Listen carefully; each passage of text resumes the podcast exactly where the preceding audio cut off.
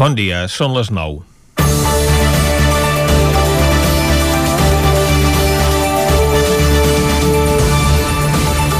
El canvi de partit al capdavant de la Generalitat ha comportat un canvi d'actitud per part del govern espanyol que es referma en la voluntat de reprendre la taula de diàleg defensada per Esquerra i en la que Junts només hi veu una estratègia per part de Pedro Sánchez per arribar fins a les properes eleccions.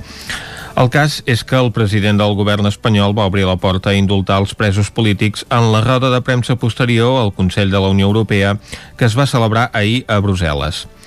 Sembla que aquesta qüestió està prou madura a l'executiu espanyol perquè pugui tirar endavant tan aviat com es rebi l'informe del Tribunal Suprem que podria ser en els propers dies, encara que la seva resolució no serà vinculant.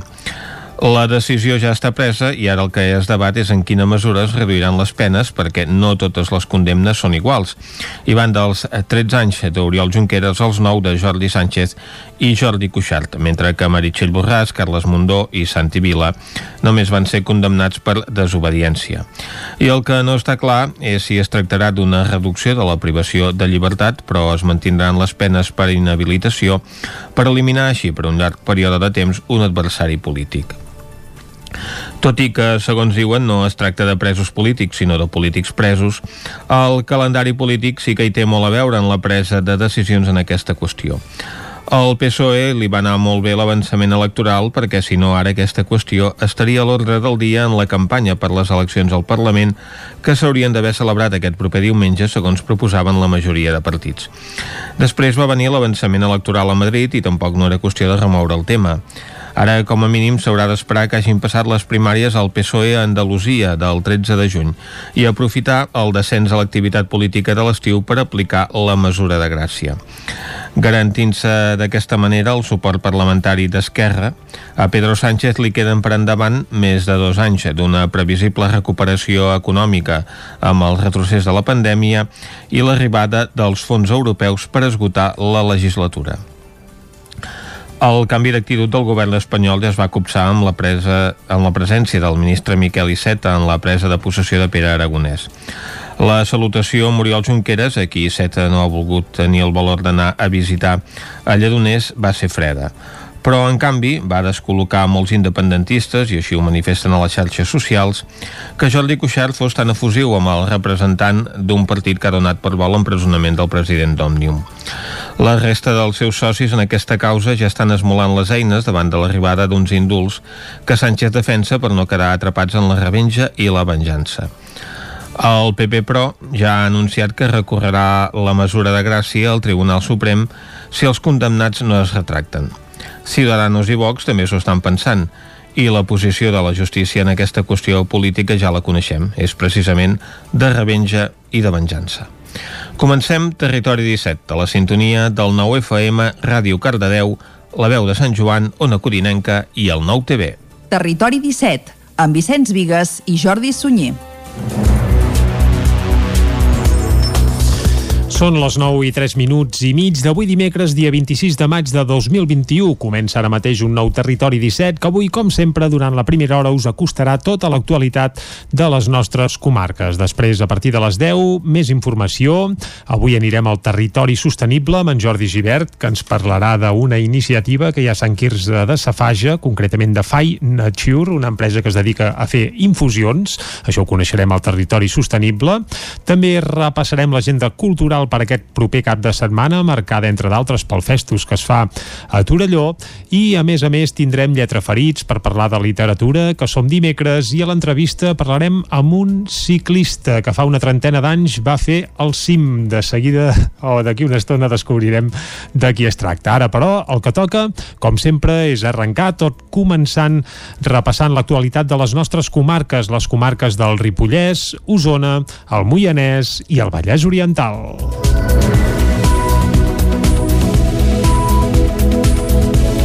La Diputació de Barcelona millorarà la seguretat viària del camí que va de Tona a Muntanyola. També transformarà en carretera el camí que va de Folgueroles a Tavernoles i el de les Ferreres, que uneix Sant Bartomeu del Grau amb Muntanyola. La Diputació de Barcelona destinarà 3 milions i mig d'euros a arranjar tres camins de la comarca. Així mateix ho estableix el Pla Zonal de la xarxa local de carreteres de la Diputació de Barcelona, que es va presentar ahir al matí a la sala de plens del Consell Comarcal d'Osona. L'objectiu és garantir i millorar les condicions d'accessibilitat al territori territori, sobretot en municipis petits que no disposen de connexions adequades amb la xarxa de carreteres. En aquesta primera fase es millorarà la seguretat viària del camí que va de Tona a Muntanyola. També s'actuarà en el camí que va de Folgueroles a Tavernoles i el de les Ferreres, que uneix Sant Bartomeu del Grau amb Muntanyola.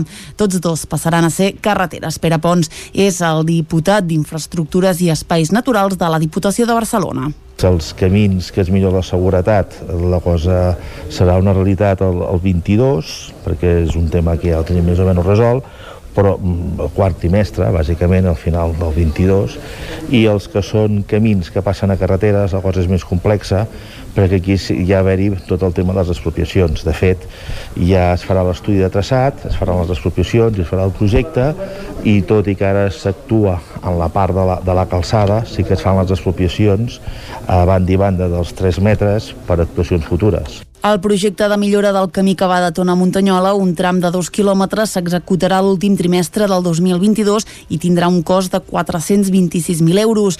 La transformació del camí que va de Folgueroles a Tavernoles a carretera, un recorregut d'un quilòmetre i mig, costarà 1.100.000 euros i s'iniciarà el primer trimestre del 2024. En aquest mateix moment arrencarà el projecte de transformació del camí de les Ferreres, el més llarg i costós del Pla Zonal.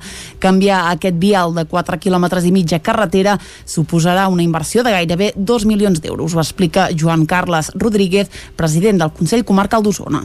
Per la comarca és important en el sentit que podem resoldre eh, situacions, de, situacions de conflictivitat, situacions de camins que ara mateix doncs, eh, eh, hi passen bastants vehicles, que a més a més no es poden, a, a vegades en el creuament, en tractar-se de camins locals estrets, en el creuament doncs, eh, hi ha dificultats i tenint en compte la densitat de trànsit que hi ha, doncs és un problema. Per tant, realment per Osona és un avenç segur.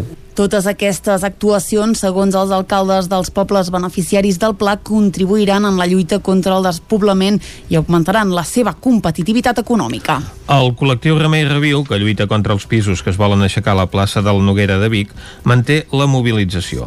Avui faran una jornada de formació antirepressiva i per demà han organitzat un sopar popular. Una setmana després de l'entrada dels membres de la brigada per començar a delimitar l'espai de la plaça de que ocuparan els pisos, veïns i veïnes del barri del Remei continuen defensant la plaça de la Noguera en la seva totalitat. Aquest diumenge, sota el lema Celebrem la Noguera, desenes de persones van participar en una jornada lúdica de resistència que va incloure música i poesia. Era el punt final d'una primera setmana de mobilitzacions que es mantindran. Carles Alfonso és membre de Remei Reviu. Clar, en vistes de que se'ns planteja la història com una carrera de fons i no un sprint, clar, aquesta setmana els esdeveniments ens han arrossegat una mica i com alguns dèiem ha sigut com jazz, ha sigut improvisar i sobre la marxa assentar una mica la història, pensar, cuidar-nos, rumiar i agafar estratègies de cara a la llarga lluita que possiblement ens espera, perquè com no haver-hi transparència per part de l'Ajuntament, tots els esdeveniments sorgeixen d'això, des de l'avís d'un veí, mobilitzem-nos i hem d'anar pensant estratègies i mantenir la lluita, sobretot molt enfocada a això, a atraure els veïns del barri i a cuidar la plaça, que és el que volem. Aquest vespre la plaça acollirà una formació antirepressiva i demà dijous un sopar popular que des de Remei Reviu volen fixar cada setmana. Diumenge vinent l'activitat seguirà amb una xocolatada i una assemblea. A les portes de l'estiu, una de les feines més importants per tal d'evitar incendis és la prevenció. Per això, el col·lectiu de voluntaris de la Federació d'ADF d'Osona ha engegat una campanya per portar aquesta prevenció a cinc centres educatius d'Osona. L'Institut La Plana, Firac Vic, l'Escorial, l'Institut de Tona i el de Taradell Sabadell. Les associacions de defensa forestal, les ADF, són els qui sovint trepitgen primer el terreny en cas d'un incendi.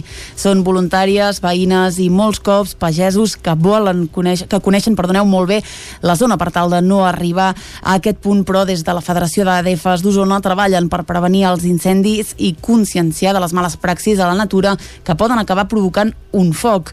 A través d'un projecte d'aprenentatge i servei, aquests dies visiten cinc centres educatius d'Osona on els alumnes han preparat projectes per enviar un missatge clar de prevenció a través de contes o vídeos. Jaume Bartomeu és el coordinador de la Federació d'ADFs transmetre a la societat doncs, la, els riscos dels incendis, el despoblament rural, són temes complicats i eh, per això ha nascut aquest projecte, un projecte d'APS, aprenentatge i servei, on amb la col·laboració dels instituts eh, anem a donar-los un aprenentatge als alumnes eh, per tal d'explicar tots aquests temes que tractem i ells el retorn el fan amb un servei, un servei que ens fan a, a la nostra entitat fent campanyes de divulgació i de conscienciació eh, al seu entorn, al seu entorn més pròxim.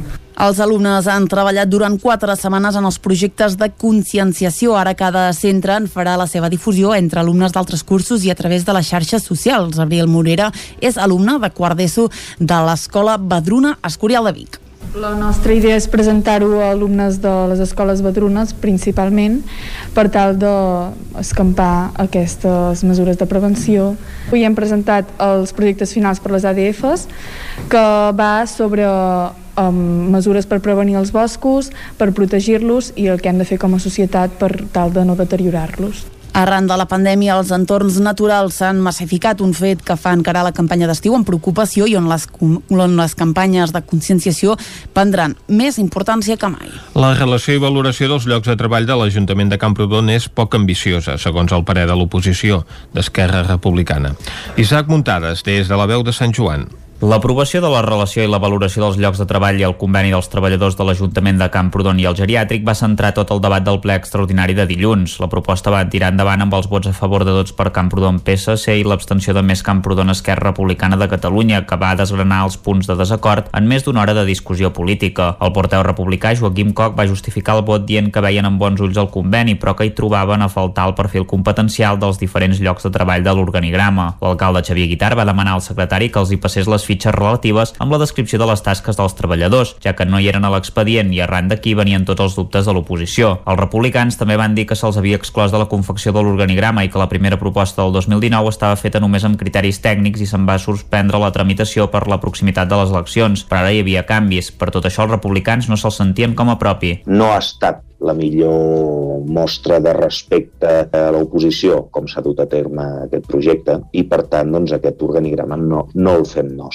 Creiem que aquest organigrama és un, un organigrama doncs, de grup de govern, de partit, es pot dir, però no és de poble, que el que ens preocupa és que no, és, no veiem que sigui un organigrama ambiciós ni de projectes grans. Cobrir totes les places doncs, és, és difícil d'assumir, no és fàcil. Tenim un projecte de poble, sí o no. Anem a construir un organigrama en base a aquest projecte de poble. Guitar va limitar-se a dir que van fer el que ja hi havia estipulat. Nosaltres vam agafar un organigrama ja existent, amb una relació de llocs de treball ja treballada, amb unes fitxes ja fetes per part dels sindicats, de tots els treballadors de la casa, de tota la gent de la casa. Nosaltres no vam fer absolutament res, simplement vam agafar, vam treure la pols d'un relació dels llocs de treball que estaven en un calaix quan vam entrar aquí i ens vam limitar a seguir les coordenades aplicant-hi dues o tres, com a màxim, modificacions sobre aquest organigrama. Per tant, qui va iniciar aquest llocs de treball va ser l'anterior consistori. El Batlle va felicitar-se d'haver arribat a un acord amb els treballadors després de més de 3 anys de negociacions que van començar el passat mandat. L'acord implica un increment salarial que consistirà en una pujada de la despesa d'un 9% a l'Ajuntament i d'un 11% al geriàtric, que segons el pacte amb els sindicats es durà a terme en 3 anys i mig. Coc va xifrar aquest augment en uns 400.000 euros i va demanar si caldrien fer modificacions de crèdit. La resposta va ser afirmativa. Cal dir, però, que la RLT proposa un organigrama que no s'ha de complir obligatòriament. Com deia Guitar, no totes les places es cobriran ni molt menys, sinó que hi són per si algun dia un consistori les vol impulsar. Així doncs, els diners de l'increment no superarien els 70.000 euros aproximadament. La controvèrsia més gran va arribar amb la descripció d'alguns llocs de treball com la figura del tècnic de turisme i cultura. Els republicans deien que hi havia d'haver un tècnic de cada per cobrir millor les competències turístiques, econòmiques i de coneixement cultural i idiomes, perquè era una inversió estratègica, mentre que el PSC creia que tenia un cost econòmic elevat tenir dues places. També va haver-hi matisos sobre l'administrativa d'alcaldia, que Esquerra va intervenir interpretar que era un càrrec de confiança. L'alcalde va corregir-lo dient que un càrrec de confiança no entra en l'organigrama i que serà una persona que podrà ajudar al batlle i a l'equip de govern en el dia a dia sigui quin sigui el color polític del consistori.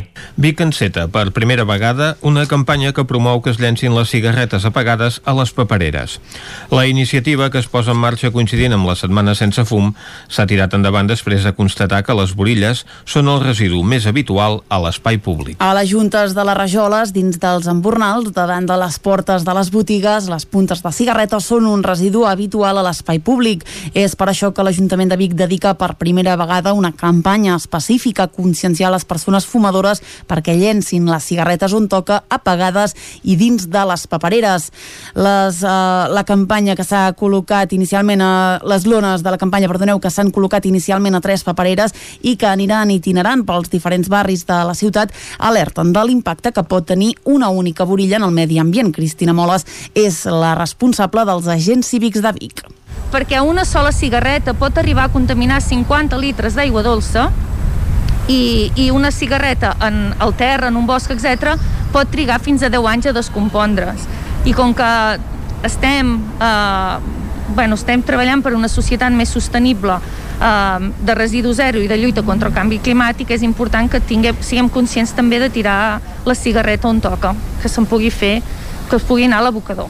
La iniciativa parteix de la petició feta per infants de la ciutat que han participat a les activitats educatives de recollida de residus que s'organitzen des de l'Ajuntament i comença ara coincidint amb la setmana sense fum, amb l'objectiu també d'evitar que els més joves s'habituïn a fumar. Núria Vergés és la regidora de Salut Pública de l'Ajuntament de Vic de treballar per evitar doncs, aquest no inici, sobretot del col·lectiu més jove, i d'abandonar aquest consum aquest any amb l'eslògan de deixar de fumar la teva altra vacuna.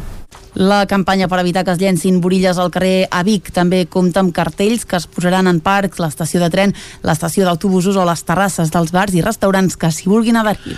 El Servei Local d'Ocupació de Llinars del Vallès torna a engegar una nova edició de l'Speed Dating Professional, una activitat que té per objectiu posar en contacte les empreses que busquen incorporar professionals amb les persones que busquen feina.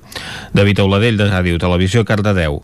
16 empreses participaran en aquesta sisena edició de l'Speed Dating Professional que celebrarà el proper 11 de juny al Castell Nou, seguint totes les mesures de seguretat i de prevenció contra la Covid-19. L'Speed Dating Professional té el seu origen en un sistema de cites ràpides d'origen americà que està donant molt bons resultats. Abans, però, les persones candidates realitzaran un taller de preparació a aquest mètode de selecció. Les 16 empreses que hi participaran aquest 2021 són Cafeto, Temporing, National Nederlanden, Ecoglobal Instal·lacions, Cealia Bio, Solar Profit, Dentite, Hydrocolor, Fundació Gentis, Honor Automation, Llar d'Avis, Torremagret, Hellpoint, Marlex, Intermas i el Viver de Belllloc i Bimbo. El termini de presentació de sol·licituds per participar de l'Speed Dating professional finalitza el 4 de juny. La colla d'escaldats, els castellers de Caldes, tornen als assajos després de més d'un any d'aturada. La colla castellera de Granollers ha fet dos assajos amb grups de 20 persones. Caral Campàs, des d'Ona Codinenca.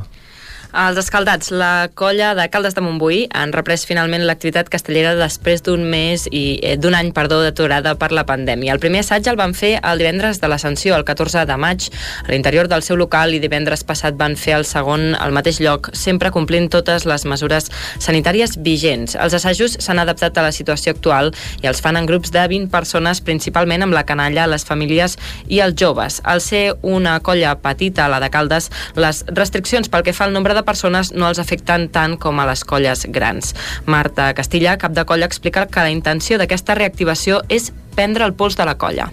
Sí, doncs per això, per recuperar el contacte amb la colla, veure com estaven, sobretot a nivell de canalla, veure com havien crescut i, i anar recuperant una mica doncs això, la formació als poms i a nivell de troncs. De moment han establert un assaig per setmana els divendres, tot i que més endavant es plantegen poder-ho ampliar a dos assajos. A través d'una llista d'assistència organitzen aquestes trobades. Bàsicament fem una, una llista d'assistència on la gent s'apunta i en funció de la gent que s'apunta doncs, eh, eh, estructurem els grups per poder fer assajos d'això, màxim 20 persones, mantenint les bombolles que, bueno, les bombolles creades per fer aquests assajos uh -huh. i llavors assagem només un cop per setmana els divendres de 8, uh, de 8 a 9 i de 9 a 10. Amb un quart d'hora entre cada assaig per ventilar una mica el local i tal. Castella apuntava també que hi ha un sector de la colla que encara no s'ha reactivat i correspon a la franja de les persones de més edat. A més, la sensació és de reactivació a mig gas perquè van al local amb ganes de fer castells, però només poden fer figures reduïdes com pilars. Tot i això, a nivell general, estan contents de poder tornar al local. I fins aquí el butlletí informatiu que us hem ofert amb Vicenç Vigues, Clàudia Dinarès, David Auladell, Caral Campàs i Isaac Muntades. Ara toca parlar del temps.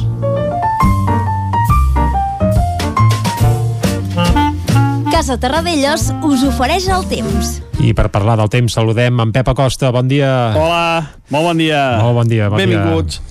a l'Espai del Temps. Gràcies. Què tal esteu? Bé, Espero bé. que tots Mm -hmm. molt bé. Comencem el dia Anem-hi, va. amb menys núvols que ahir. Ahir va ser un dia que hi va haver una altra vegada aquests núvols baixos, aquesta, uh, aquests núvols uh, que són uh, no, no molt, molt amples, però sí que són núvols baixos, que fan que hi hagi molta mal visibilitat i fins i tot en algunes zones quatre gotes. Vam tenir molt poques precipitacions. Independentment a la tarda van créixer les nuvolades del Pirineu, típiques ja de finals de primavera i estiu, que van deixar un parell o tres de litres cap a la zona de Baiter. En total, misèria i companyia, molt poca cosa, molt poca pluja que va caure ahir a les nostres comarques i en tot el país, eh? No, no, no, va, no, no va ploure gairebé gens. I avui, com deia, no ens llevem tants núvols, eh? Uh, I el no haver-hi aquest, uh, com ho diria, aquesta manta de núvols ha fet que les temperatures mínimes baixessin. Estan per sota d'aquests 10 graus la majoria de les poblacions i per sota fins i tot dels 5 graus en algunes zones del Pirineu, en les zones més fredes del Pirineu. Això és degut a això, eh, que no hi ha... Els núvols fa que la temperatura mínima estigui més, eh, més alta.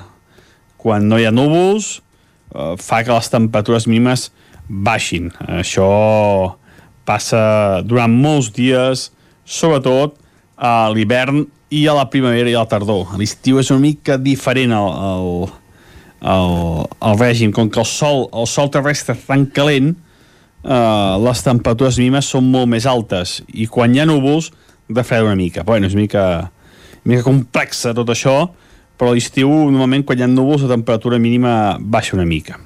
Però bueno, ja ho explicarem a l'estiu, un dia a l'estiu això ja, ja ho explicarem. Anem per feina, Anem per feina, anem pel va. temps d'avui, que com Anem-hi, deia això, eh, ens llevem amb pocs núvols i les temperatures mínimes han baixat una mica.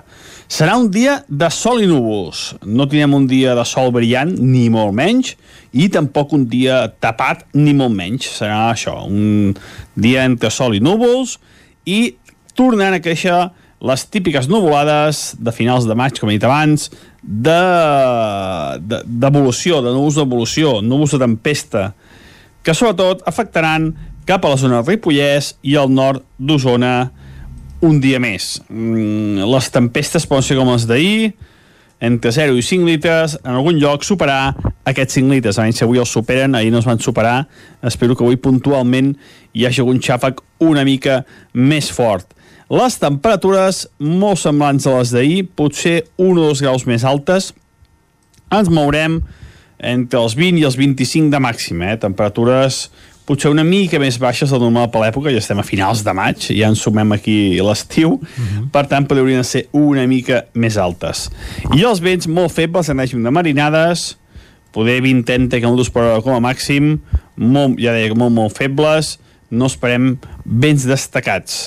I és que estem, eh, ja fa dies estem en aquest terreny de ningú, no tenim cap gran anticicló a prop, cap gran pertorbació tampoc, i ens movem en aquest, en aquest terreny que no, no tenim cap gran element important a sobre, eh? no tenim cap element meteorològic important a sobre nostra i això és la, la indefinició, eh? aquest sol i núvols, aquestes tempestes de tarda, la indefinició meteorològica d'aquests dies acompanyats dels típics ruixats de tarda de les zones de muntanya de finals de primavera i d'estiu. Moltes gràcies i demà ens escoltem. Què sembla que de cada cap de setmana la, la inestabilitat pot anar més i les tempestes i xàfecs poden afectar moltes més poblacions. Veurem què, què va passant, ho anirem definint dia a dia. Moltes gràcies, fins demà. Va, Adéu. Pep, vinga, a reveure. Nosaltres ara anem ràpidament cap al quiosc. Casa Tarradellas us ha ofert aquest espai. Territori 17 Fem un repàs a les portades dels diaris d'avui, Clàudia. Bon dia de nou. Comencem amb el punt avui que diu renovat i femení. Aragonès nomena el govern amb 12 cares noves i majoria de dones. L'executiu té un marcat perfil tècnic i prioritza la sortida de la crisi. Quatre consellers d'Esquerra amb causes judicials. Pedro Sánchez obre la porta als indults dels presos i a la imatge primer avís de la CUP al govern. Anem a l'ara que diu Pedro Sánchez prepara el terreny pels indults. A la imatge veiem la mateixa que el punt. Aragonès topa amb la CUP. El primer dia veiem aquesta imatge del desnonament que hi va haver a Barcelona. I novetades i plagis, ho veiem ahir, seran castigats amb l'expulsió de la universitat. El periòdico Sánchez avala els indults del procés per superar fractures. A la imatge, Koeman segueix per ara. La porta ajorna la decisió definitiva sobre el futur de l'entrenador després d'una breu reunió i Seta planteja cessar interins que portin 3 anys en una plaça. Anem a l'avantguàrdia que diu Sánchez prepara el terreny per indultar els presos del procés. A la imatge, la CUP no dona ni un dia de treva a Aragonès i l'executiu encara confia a renovar el pacte del ZERTO. Anem al país. Uh, Sánchez defensa els indults davant de venjances o revenges. A la imatge, un desnonament provoca la primera crisi entre Aragonès i la CUP i el govern confia en un pacte d'última hora pel ZERTO. El Mundo Plus Ultra preveu perdre 35 milions de nou després del rescat del govern. A la imatge, un govern sota l'amenaça del desnonament i Sánchez exhibirà la seva majoria davant del Tribunal Suprem per als indults.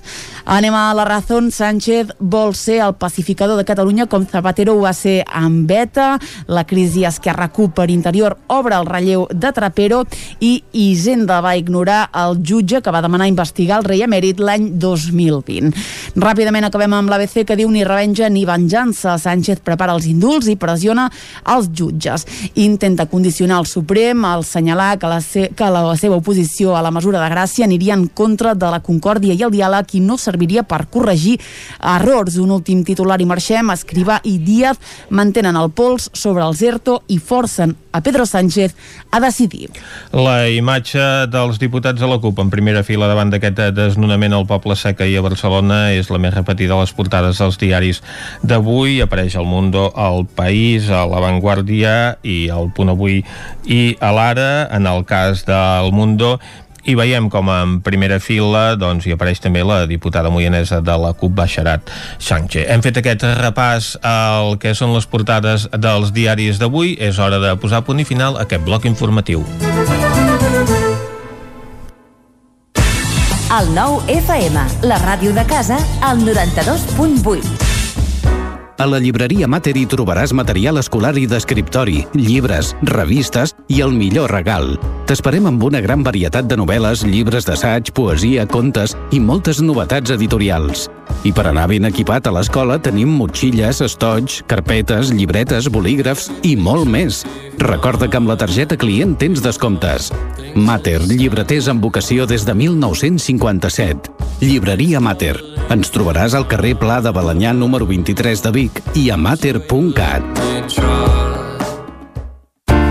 Mobles Verdolet liquidem l'exposició. Vine a veure'ns i renova casa teva. Sofàs, sales d'estudi, dormitoris, matalassos, menjadors, rebedors i complements i molt més. Mobles Verdolet. Mobles fets a mida. Qualitat a bon preu. Ens trobaràs al carrer Morgades, número 14 de Vic i al carrer Nou, número 44 de Torelló. Telèfon 93 380 36 24. Moblesverdolet.com Anuncia't al 9FM. La màquina de casa. 9 3 8 8 9 4 9 4 9. Publicitat arroba al 9FM.cat. Anuncia't al 9FM. La publicitat més eficaç. Impremta Mater, el servei de particulars i empreses. Fem catàlegs, llibres, papereria corporativa, targetes, fulletons i també venem material d'oficina i escriptori, bolígrafs, arxivadors, grapadores, llibretes i molt més. Mater Impressors des de 1957. Impremta Mater. Ens trobaràs a la carretera de Sant Hipòlit, número 23 de Vic i a la impremtamater.com. Hi ha sensacions que són úniques. Aquell bany relaxant, mirar per la finestra quan plou i com les calderes Bailand, que li ofereixen fins a 15 anys de cobertura total amb el servei tècnic oficial Bailand. Informis a Oficiat Nord trucant al 93 886 0040. Amb el servei tècnic oficial de Bailand, la seva caldera estarà en les millors mans. A Corretja tenim tot el que necessites per la teva llar. Tot tipus de paviments i revestiments, sistemes d'aïllament, cobertes, parquets, aixetes, ferreteria, pintures, fixació i cargoleria, vestuari i material de seguretat. Disposem de més de 3.500 metres quadrats d'exposició amb una nova zona exterior d'aïllaments.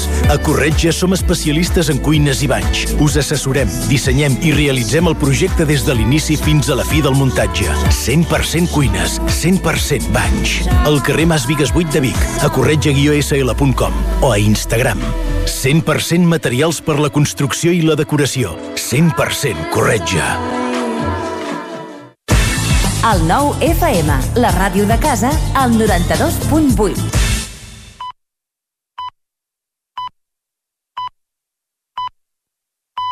Territori 17, amb Vicenç Vigues i Jordi Sunyer. Són dos quarts de deu en punt d'avui, dimecres, dia 26 de maig de 2021. Seguim en directe aquí a Territori 17 i us farem companyia encara fins ben tocades les 12 del migdia. De seguida, el que tocarà és acostar-vos de nou tota l'actualitat de casa nostra, però ja us avancem que a partir de les 10 tenim molts altres ingredients. Avui, per exemple, anirem al Territori Sostenible amb Jordi Givert, que ens parlarà d'una empresa de Sant Quirze de Safaja que es dedica a fer infusions.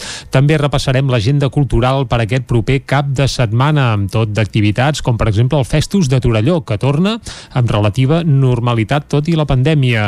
També parlarem de literatura, en lletra ferits, i a més a més avui tenim una entrevista molt especial. Per què? Doncs perquè conversarem possiblement amb un dels millors ciclistes eh, nacionals de tots els temps. Abans hem donat alguna pista, ara en deixem anar alguna altra i aviam si acabeu endevinant amb qui parlarem avui. Tot això i moltes coses més les farem des d'ara i fins al punt de les 12 del migdia i el que toca arribats en aquest punt quan passa un minut de dos quarts de 10 del matí és acostar-vos de nou l'actualitat de casa nostra, de casa vostra, l'actualitat de les comarques del Ripollès, Osona, el Moianès i el Vallès Oriental. La Diputació de Barcelona millorarà la seguretat viària del camí que va de Tona a Muntanyola. També transformarà en carretera el camí que va de Folgueroles a Tavernoles i el de les Ferreres, que uneix Sant Bartomeu del Grau amb Muntanyola. La Diputació de Barcelona destinarà 3 milions i mig d'euros a arranjar tres camins de la comarca. Així mateix ho estableix el Pla Zonal de la xarxa local de carreteres de la Diputació de Barcelona, que es va presentar ahir al matí a la sala de plens del Consell Comarcal d'Osona. L'objectiu és garantir i millorar les condicions d'accessibilitat al territori territori, sobretot en municipis petits que no disposen de connexions adequades amb la xarxa de carreteres. En aquesta primera fase es millorarà la seguretat viària del camí que va de Tona a Muntanyola. També s'actuarà en el camí que va de Folgueroles a Tavernoles i el de les Ferreres, que uneix Sant Bartomeu del Grau amb Muntanyola. Tots dos passaran a ser carreteres. Pere Pons és el diputat d'Infraestructures i Espais Naturals de la Diputació de Barcelona els camins que es millora la seguretat la cosa serà una realitat el, el 22 perquè és un tema que ja el tenim més o menys resolt però mm, el quart trimestre, bàsicament al final del 22, i els que són camins que passen a carreteres, la cosa és més complexa, perquè aquí hi ha haver-hi tot el tema de les expropiacions. De fet, ja es farà l'estudi de traçat, es faran les expropiacions, es farà el projecte, i tot i que ara s'actua en la part de la, de la calçada, sí que es fan les expropiacions a banda i banda dels 3 metres per actuacions futures. El projecte de millora del camí que va de Tona Muntanyola, un tram de dos quilòmetres, s'executarà l'últim trimestre del 2022 i tindrà un cost de 426.000 euros. La transformació del camí que va de Folgueroles a Tavernoles a carretera, un recorregut d'un quilòmetre i mig, costarà 1.100.000 euros i s'iniciarà el primer trimestre del 2024. En aquest mateix moment arrencarà el projecte de transformació del camí de les Ferreres, el més llarg i costós del Pla Zonal. Canviar aquest vial de 4 quilòmetres i de carretera suposarà una inversió de gairebé 2 milions d'euros. Ho explica Joan Carles Rodríguez, president del Consell Comarcal d'Osona.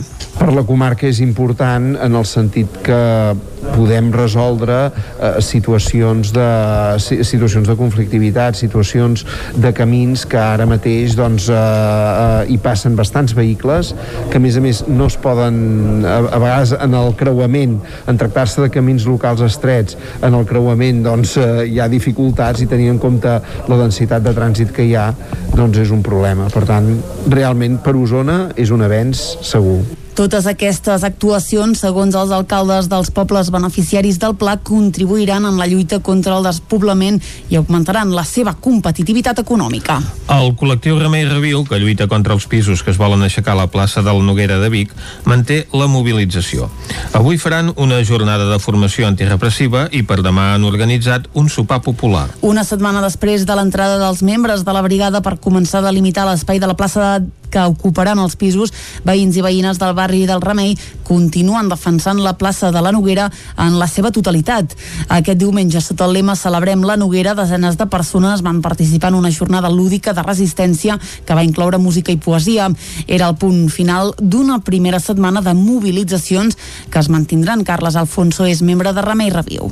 Clar, en vistes de que se'ns planteja la història com una carrera de fons i no un sprint, clar, aquesta setmana els esdeveniments ens han arrossegat una mica i com alguns dèiem ha sigut com jazz, ha sigut improvisar i sobre la marxa assentar una mica la història, pensar, cuidar-nos, rumiar i agafar estratègies de cara a la llarga lluita que possiblement ens espera, perquè com al no haver-hi transparència per part de l'Ajuntament, tots els esdeveniments sorgeixen d'això, des de l'avís d'un veí, mobilitzem-nos i hem d'anar pensant estratègies i mantenir la lluita, sobretot molt enfocada a això, a atraure els veïns del barri i a cuidar la plaça, que és el que volem. Aquest vespre la plaça acollirà una formació antirepressiva i demà dijous un sopar popular que des de Remei Reviu volen fixar cada setmana.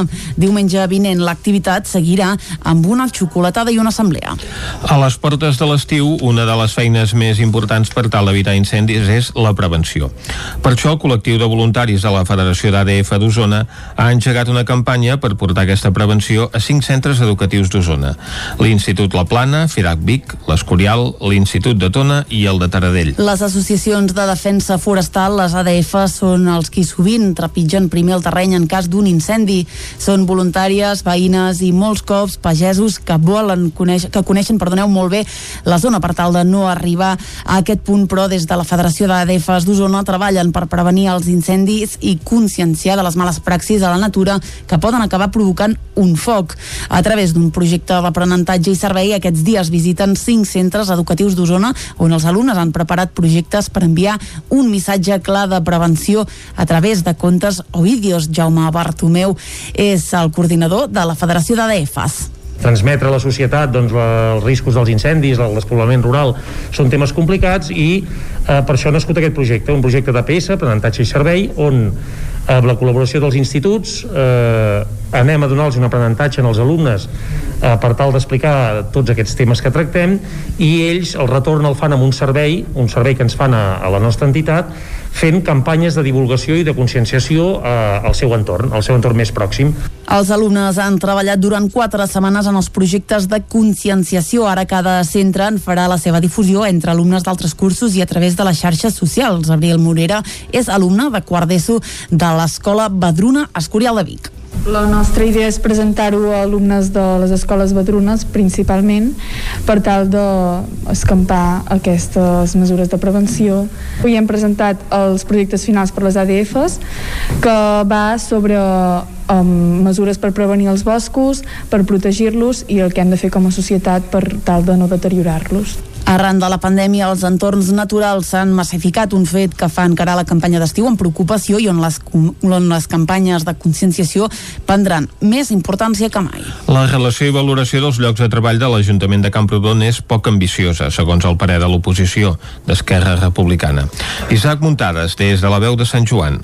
L'aprovació de la relació i la valoració dels llocs de treball i el conveni dels treballadors de l'Ajuntament de Camprodon i el geriàtric va centrar tot el debat del ple extraordinari de dilluns. La proposta va tirar endavant amb els vots a favor de tots per Camprodon PSC i l'abstenció de Més Camprodon Esquerra Republicana de Catalunya, que va desgranar els punts de desacord en més d'una hora de discussió política. El porteu republicà Joaquim Coc va justificar el vot dient que veien amb bons ulls el conveni, però que hi trobaven a faltar el perfil competencial dels diferents llocs de treball de l'organigrama. L'alcalde Xavier Guitar va demanar al secretari que els hi passés les fitxes relatives amb la descripció de les tasques dels treballadors, ja que no hi eren a l'expedient i arran d'aquí venien tots els dubtes de l'oposició. Els republicans també van dir que se'ls havia exclòs de la confecció de l'organigrama i que la primera proposta del 2019 estava feta només amb criteris tècnics i se'n va suspendre la tramitació per la proximitat de les eleccions, però ara hi havia canvis. Per tot això els republicans no se'ls sentien com a propi. No ha estat la millor mostra de respecte a l'oposició, com s'ha dut a terme aquest projecte, i per tant doncs, aquest organigrama no, no el fem nostre. Creiem que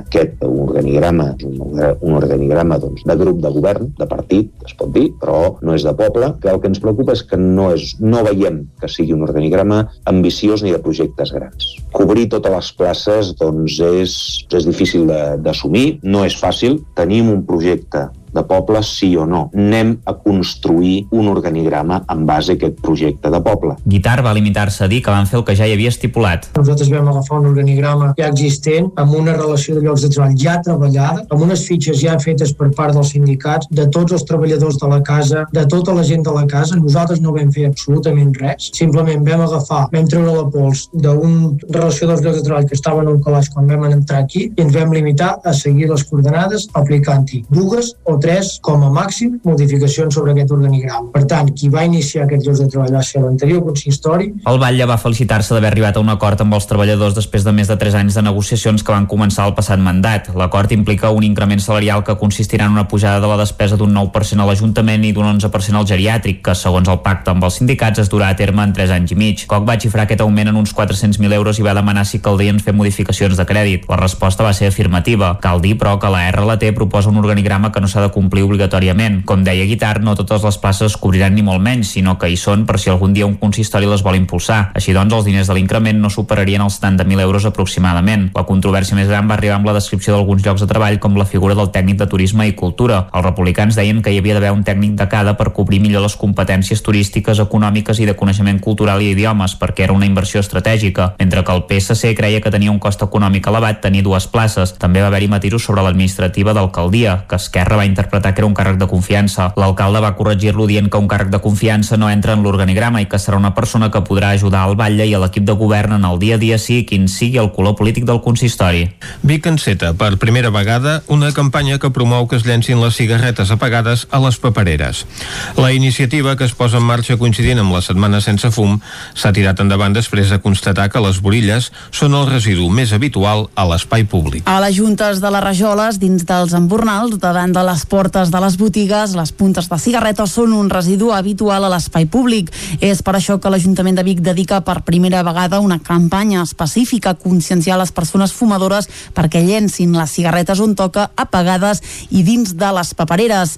Les, uh, la campanya que s'ha col·locat inicialment a les lones de la campanya, perdoneu, que s'han col·locat inicialment a tres papereres i que aniran itinerant pels diferents barris de la ciutat alerten de l'impacte que pot tenir una única borilla en el medi ambient. Cristina Moles és la responsable dels agents cívics de Vic. Perquè una sola cigarreta pot arribar a contaminar 50 litres d'aigua dolça i, i una cigarreta en el terra, en un bosc, etc, pot trigar fins a 10 anys a descompondre's. I com que estem, eh, bueno, estem treballant per una societat més sostenible eh, de residu zero i de lluita contra el canvi climàtic, és important que tinguem, siguem conscients també de tirar la cigarreta on toca, que se'n pugui fer, que es pugui anar a l'abocador. La iniciativa parteix de la petició feta per infants de la ciutat que han participat a les activitats educatives de recollida de residus que s'organitzen des de l'Ajuntament i comença ara coincidint amb la setmana sense fum, amb l'objectiu també d'evitar que els més joves s'habituïn a fumar. Núria Vergés és la regidora de Salut Pública de l'Ajuntament de Vic de treballar per evitar doncs, aquest no inici, sobretot del col·lectiu més jove, i d'abandonar aquest consum. Aquest any amb l'eslògan de deixar de fumar la teva altra vacuna. La campanya per evitar que es llencin borilles al carrer a Vic també compta amb cartells que es posaran en parcs, l'estació de tren, l'estació d'autobusos o les terrasses dels bars i restaurants que s'hi vulguin adherir. El Servei Local d'Ocupació de Llinars del Vallès torna a engegar una nova edició de l'Speed Dating Professional, una activitat que té per objectiu posar en contacte les empreses que busquen incorporar professionals amb les persones que busquen feina. David Auladell, de Ràdio Televisió, Cardedeu. 16 empreses participaran en aquesta sisena edició de l'Speed Dating Professional que celebrarà el proper 11 de juny al Castell Nou, seguint totes les mesures de seguretat i de prevenció contra la Covid-19. L'Speed Dating Professional té el seu origen en un sistema de cites ràpides d'origen americà que està donant molt bons resultats. Abans, però, les persones candidates realitzaran un taller de preparació a aquest mètode de selecció. Les 16 empreses que hi participaran aquest 2021 són Cafeto, Temporing, National Nederlanden, Ecoglobal Instal·lacions, Cealia Bio, Solar Profit, Dentite, Hidrocolor, Fundació Gentis, Honor Automation, Llar d'Avis Torremagret, Hellpoint, Marlex, Intermas i el Viver de Belllloc i Bimbo. El termini de presentació de sol·licituds per participar de l'Speed Dating professional finalitza el 4 de juny. La colla d'escaldats, els castellers de Caldes, tornen als assajos després de més d'un any d'aturada. La colla castellera de Granollers ha fet dos assajos amb grups de 20 persones. Caral Campàs, des d'Ona Codinenca. Els escaldats, la colla de Caldes de Montbui han reprès finalment l'activitat castellera després d'un mes i eh, d'un any, perdó, d'aturada per la pandèmia. El primer assaig el van fer el divendres de l'Ascensió, el 14 de maig, a l'interior del seu local i divendres passat van fer el segon al mateix lloc, sempre complint totes les mesures sanitàries vigents. Els assajos s'han adaptat a la situació actual i els fan en grups de 20 persones, principalment amb la canalla, les famílies i els joves. Al ser una colla petita, la de Caldes, les restriccions pel que fa al nombre de persones no els afecten tant com a les colles grans. Marta Castilla, cap de colla, explica que la intenció d'aquesta reactivació és prendre el pols de la colla. Sí, doncs per això, per recuperar el contacte amb la colla, veure com estaven, sobretot a nivell de canalla, veure com havien crescut i, i anar recuperant una mica doncs això, la formació als poms i a nivell de troncs. De moment han establert un assaig per setmana els divendres, tot i que més endavant es plantegen poder-ho ampliar a dos assajos. A través d'una llista d'assistència organitzen aquestes trobades. Bàsicament fem una, una llista d'assistència on la gent s'apunta i en funció de la gent que s'apunta doncs, eh, eh, estructurem els grups per poder fer assajos d'això, màxim 20 persones, mantenint les bombolles que bueno, les bombolles creades per fer aquests assajos uh -huh. i llavors assagem només un cop per setmana els divendres de 8, eh, de 8 a 9 i de 9 a 10 amb un quart d'hora entre cada assaig per ventilar una mica el local i tal. Castella apuntava també que hi ha un sector de la colla que encara no s'ha reactivat i correspon a la franja de les persones de més edat. A més, la sensació és de reactivació a mig gas perquè van al local amb ganes de fer castells, però només poden fer figures reduïdes com pilars. Tot i això, a nivell general, estan contents de poder tornar al local. I fins aquí el butlletí informatiu que us hem ofert amb Vicenç Vigues, Clàudia Dinarès, David Auladell, Caral Campàs i Isaac Muntades. Ara toca parlar del temps.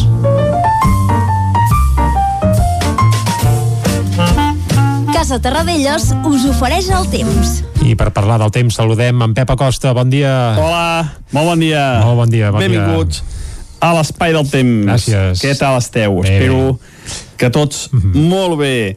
Comencem el dia amb menys núvols que ahir. Mm. Ahir va ser un dia que hi va haver una altra vegada aquests núvols baixos, aquesta, uh, aquests núvols uh, que són uh, no, no molt, molt amples, però sí que són núvols baixos, que fan que hi hagi molta mal visibilitat i fins i tot en algunes zones quatre gotes. Vam tenir molt poques precipitacions.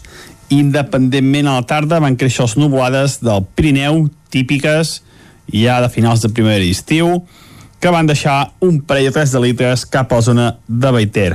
En total, misèria i companyia, molt poca cosa, molt poca pluja la que va caure ahir a les nostres comarques i en tot el país, eh? No, no, no, va, no, no va ploure gairebé gens. I avui, com deia, no ens llevem tants núvols, eh? Uh, I el no haver-hi aquest, uh, com ho diria, aquesta manta de núvols ha fet que les temperatures mínimes baixessin. Estan per sota d'aquests 10 graus la majoria de les poblacions i per sota fins i tot dels 5 graus en algunes zones del Pirineu, en les zones més fredes del Pirineu. Això és degut a això, eh, que no hi ha... Els núvols fa que la temperatura mínima estigui més, eh, més alta. Quan no hi ha núvols, eh, fa que les temperatures mínimes baixin. Això passa durant molts dies, sobretot a l'hivern i a la primavera i a la tardor. A l'estiu és una mica diferent el, el, el, el règim, com que el sol, el sol terrestre és tan calent, eh, les temperatures mínimes són molt més altes i quan hi ha núvols de fred una mica. Bueno, és una mica, mica complexa tot això, però a l'estiu normalment quan hi ha núvols la temperatura mínima baixa una mica. Però bueno, ja ho explicarem a l'estiu, un dia a l'estiu això ja, ja ho explicarem. Anem per feina, anem, per feina, anem pel va. temps d'avui, que com Anem, deia això, eh, ens llevem amb pocs núvols i les temperatures mínimes han baixat una mica. Serà un dia de sol i núvols. No tindrem un dia de sol brillant, ni molt menys, i tampoc un dia tapat, ni molt menys. Serà això, un dia entre sol i núvols, i tornant a créixer les típiques nuvolades de finals de maig, com he dit abans, de- de- d'evolució, de, de núvols d'evolució, núvols de tempesta, que sobretot afectaran cap a la zona del Ripollès i al nord d'Osona un dia més. Mm, les tempestes poden ser com les d'ahir, entre 0 i 5 litres, en algun lloc superar aquests 5 litres. A si avui els superen, ahir no es van superar. Espero que avui puntualment hi hagi algun xàfec una mica més fort. Les temperatures molt semblants a les d'ahir, potser 1 o 2 graus més altes. Ens mourem entre els 20 i els 25 de màxim, eh? temperatures potser una mica més baixes del normal per l'època, ja estem a finals de maig, ja ens sumem aquí l'estiu, per tant podrien ser una mica més altes. I els vents molt febles en règim de marinades, poder 20-30 km per hora com a màxim, molt, ja deia, molt, molt febles, no esperem vents destacats. I és que estem, eh, ja fa dies estem en aquest terreny de ningú, no tenim cap gran anticiclo prop, cap gran pertorbació tampoc, i ens movem en aquest, en aquest terreny que no, no tenim cap gran element important a sobre, eh? no tenim cap element meteorològic important a sobre nostra i això és la, la indefinició, eh? aquest sol i núvols, aquestes tempestes de tarda, la indefinició meteorològica d'aquests dies acompanyats dels típics ruixats de tarda de les zones de muntanya de finals de primavera i d'estiu. Moltes gràcies i demà ens escoltem. Què sembla que de cada cap de setmana la, la inestabilitat pot anar més i les tempestes i xàfecs poden afectar moltes més poblacions. Veurem què, què va passant, ho anirem definint dia a dia. Moltes gràcies, fins demà. Va, Pep, vinga, a reveure. Nosaltres ara anem ràpidament cap al quiosc. Casa Tarradellas us ha ofert aquest espai. Territori 17. Fem un repàs a les portades dels diaris d'avui, Clàudia. Bon dia de nou, comencem amb el punt avui que diu renovat i femení Aragonès nomena el govern amb 12 cares noves i majoria de dones. L'executiu té un marcat perfil tècnic i prioritza la sortida de la crisi. Quatre consellers d'Esquerra amb causes judicials. Pedro Sánchez obre la porta als indults dels presos i a la imatge primer avís de la CUP al govern. Anem a l'ara que diu Pedro Sánchez prepara el terreny pels indults. A la imatge veiem la mateixa que el punt. Aragonès topa amb la CUP. El primer dia veiem aquesta imatge del desnonament que hi va haver a Barcelona. I novetades i plagis, ho veiem ahir, seran castigats amb l'expulsió de la universitat. El periòdico Sánchez avala els indults del procés per superar fractures. A la imatge, Koeman segueix per ara. La porta ajorna la decisió definitiva sobre el futur de l'entrenador després d'una breu reunió i Iceta planteja cessar interins que portin 3 anys en una plaça. Anem a l'avantguàrdia que diu Sánchez prepara el terreny per indultar els presos del procés. A la imatge, la CUP no dona ni un dia de treva a Aragonès i l'executiu encara confia a renovar el pacte del ZERTO. Anem al país. Uh, Sánchez defensa els indults davant de venjances o revenges. A la imatge, un desnonament provoca la primera crisi entre Aragonès i la CUP i el govern confia en un pacte d'última hora pel ZERTO. El Mundo Plus Ultra preveu perdre 35 milions de nou després del rescat del govern. A la imatge, un govern sota l'amenaça del desnonament i Sánchez exhibirà la seva majoria davant del Tribunal Suprem per als indults. Anem a la raó. Sánchez vol ser el pacificador de Catalunya com Zapatero ho va ser amb Beta. La crisi Esquerra CUP per interior obre el relleu de Trapero i Hisenda va ignorar el jutge que va demanar investigar el rei emèrit l'any 2020. Ràpidament acabem amb l'ABC que diu ni revenja ni venjança. Sánchez prepara els indults i pressiona els jutges. Intenta condicionar el Suprem al senyalar que la, se que la seva oposició a la mesura de gràcia aniria en contra de la concòrdia i el diàleg i no serviria per corregir errors. Un últim titular i marxem. Escrivà i Díaz mantenen el pols sobre el ZERTO i forcen a Pedro Sánchez a decidir.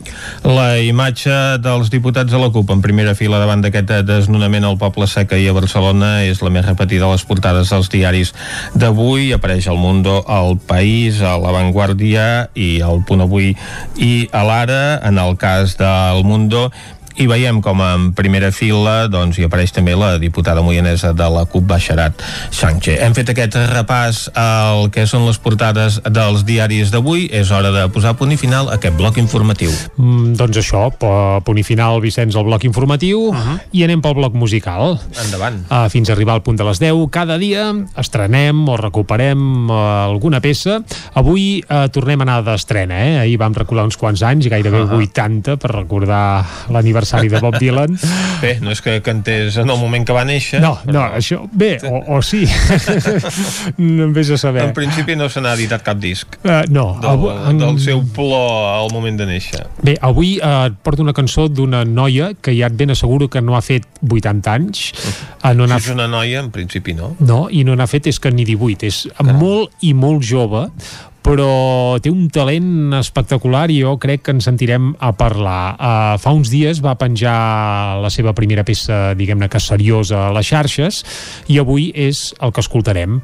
De qui estem parlant? Doncs estem parlant de la Nora Galobardes. El seu nom artístic és Nora, així N-O-R-A. Uh -huh. Aquesta joveníssima artista és de Sant Pere de Torelló, Uh -huh. i bé, cal dir que ve de nissaga de músics perquè el seu pare ja havia estat en formacions com Steve and the Hooligans i d'altres, doncs bé, sembla que és evident que porta la música a les venes perquè ja de ben joveneta ens obsequia amb una peça que es diu The End, al final, uh -huh. que sona superbé i que si et sembla escoltarem des d'ara i fins a arribar al punt de les 10 oh, sí? uh, una proposta curiosa, eh? ella més a part de cantar ha escrit la peça i uh -huh. també treball dels teclats. Per tant, diguem que és molt polivalent i que fa una mica tot i bé. L'escoltem? Oh, i tant. Doncs vinga, sí, Nora amb Dient. Amb això arribarem al punt de les 10 aquí a Territori 17. Salut!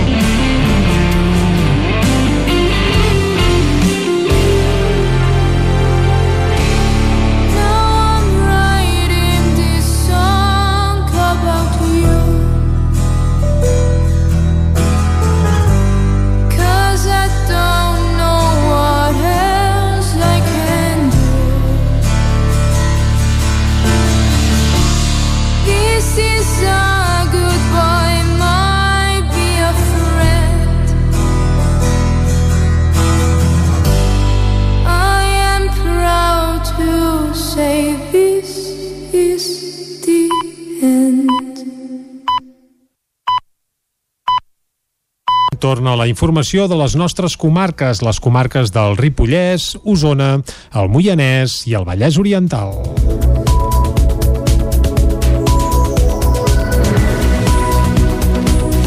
Detenen una persona a Vic quan intentava esbotzar un aparador en una botiga de la Rambla del Passeig. El detingut acumulava diversos antecedents per fets similars les darreres setmanes. El dispositiu nocturn que els Mossos d'Esquadra estan realitzant en les últimes setmanes per acabar amb els diversos robatoris a establiments del centre de la capital usonenca ha tornat a donar els seus fruits.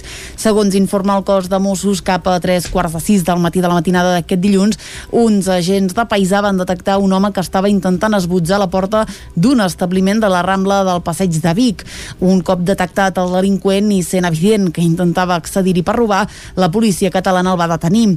Es tracta d'un jove de 23 anys amb domicili a Vic i que acumula diversos antecedents per robatoris en les últimes setmanes. La commemoració del pacte dels biguetans ha pogut recuperar la presencialitat aquest 2021.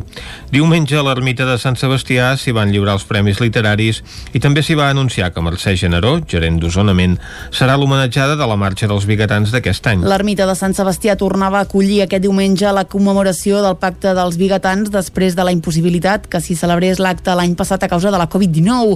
L'alcalde de Santa Eulàlia de Riu Primer, Xavier Rovira, hi va fer una conferència sobre el pacte signat a Sant Sebastià l'any 1705 que va suposar que Catalunya es posés al costat de Carles d'Àustria en la Guerra de Successió.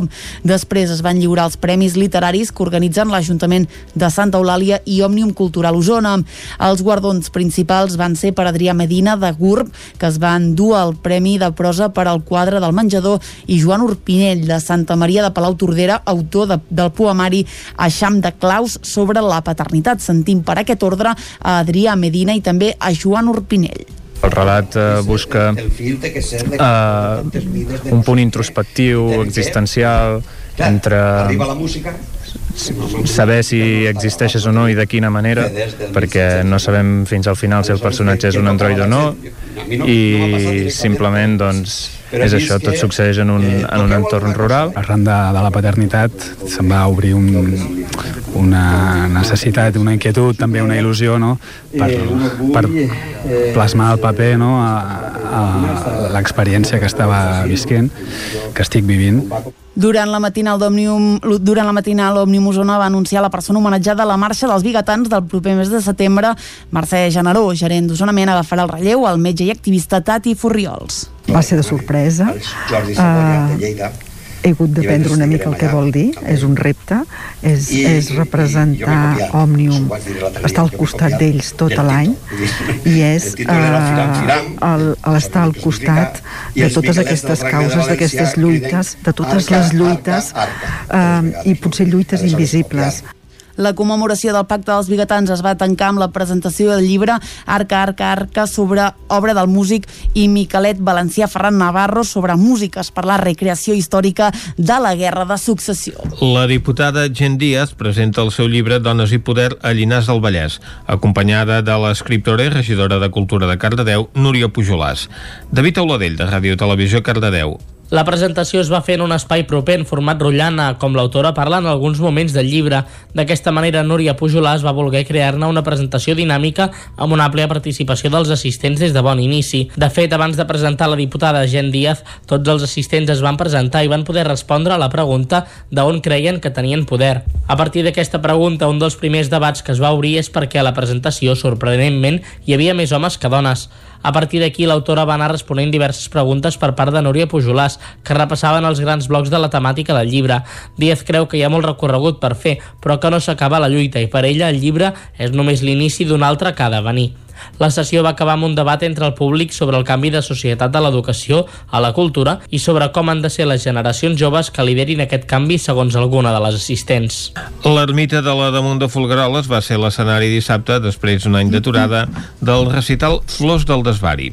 Aquest acte ja habitual de la Festa Verdaguer dona a conèixer nous poetes en format de jam session. Amb reserva prèvia i seguint les mesures establertes a causa de la pandèmia de Covid-19, els assistents arribaven aquest dissabte al recital Flors del Desvari, una cita ja habitual de la Festa Verdaguer de Folgueroles i que té com a escenari l'ermita de la Damunt. L'acte, una jam session que vol donar visibilitat a noves generacions de veus poètiques, el va presentar Oriol Sauleda i va comptar amb Laia Carbonell, Esteve Plantada i Sònia Moya, que hi van recitar l'obra pròpia acompanyats per la música d'Adrià Ballús, Arnau Mussac i Roger Sena. Jordina Boix és la directora de la Fundació Jacint Verdaguer amb aquesta combinatòria, en tot aquest uh, triangle de gent, que aquests uh, set uh, artistes sobre l'escenari, podem sentir poesies seves, podem sentir la tria que hagin fet d'altres autors, segurament algun poema també de Verdaguer, i en aquí s'acaba fent una simbiosi entre tots de, de combinació de música i paraula. Els actes de la Festa Verdaguer Folgueroles acabaran aquest proper diumenge amb un altre recital, el del Patronat d'Estudis Usonencs, que organitza a la Font del Desmai. El videoclip d'una de les cançons del grup Barba Corsini es va gravar al Gorb de Malatosca, a Sant Joan de les Abadeses. Isaac Muntades, des de la veu de Sant Joan. El grup musical Barba Corsini és el nou projecte del poeta Eduard Escofet i el músic Pope, membre de STA i Fuego, entre altres bandes. Aquest any han gravat el disc Un nou incendi amb el segell discogràfic Bank Rover, que està previst que es publiqui al juny. El videoclip d'una de les cançons de l'àlbum, Pirineo, la van gravar al Gord de Malatosca de Sant Joan de les Abadeses. Es tracta d'un videoclip força inquietant de 3 minuts i 20 segons de durada on hi apareix una persona disfressada amb una espècie de tires de colors que van canviant i que sembla un ocell i es passeja per la natura de la zona. Escofet comentava per què havien escollit Sant Joan per gravar-lo. De fet vam anar a Sant Joan de les Abadesses i hi ha una part que està feta a Ugàs també, perquè un dels motius va ser perquè jo hi havia anat uns mesos abans amb la Maria Arnal a gravar algunes veus del cant de la Sibila. I llavors va ser una miqueta quan eh, això vam anar just l'estiu passat per a gravar unes últimes veus que se senten, de fet hi ha, un, hi ha una part de Sant Joan de les Abadesses i d'Ugassa que se sent a la Sibila o que s'intueix més aviat i llavors quan buscàvem un espai per gravar el videoclip vaig pensar en això, no? dic, anem cap a Sant Joan i just va coincidir que el director de,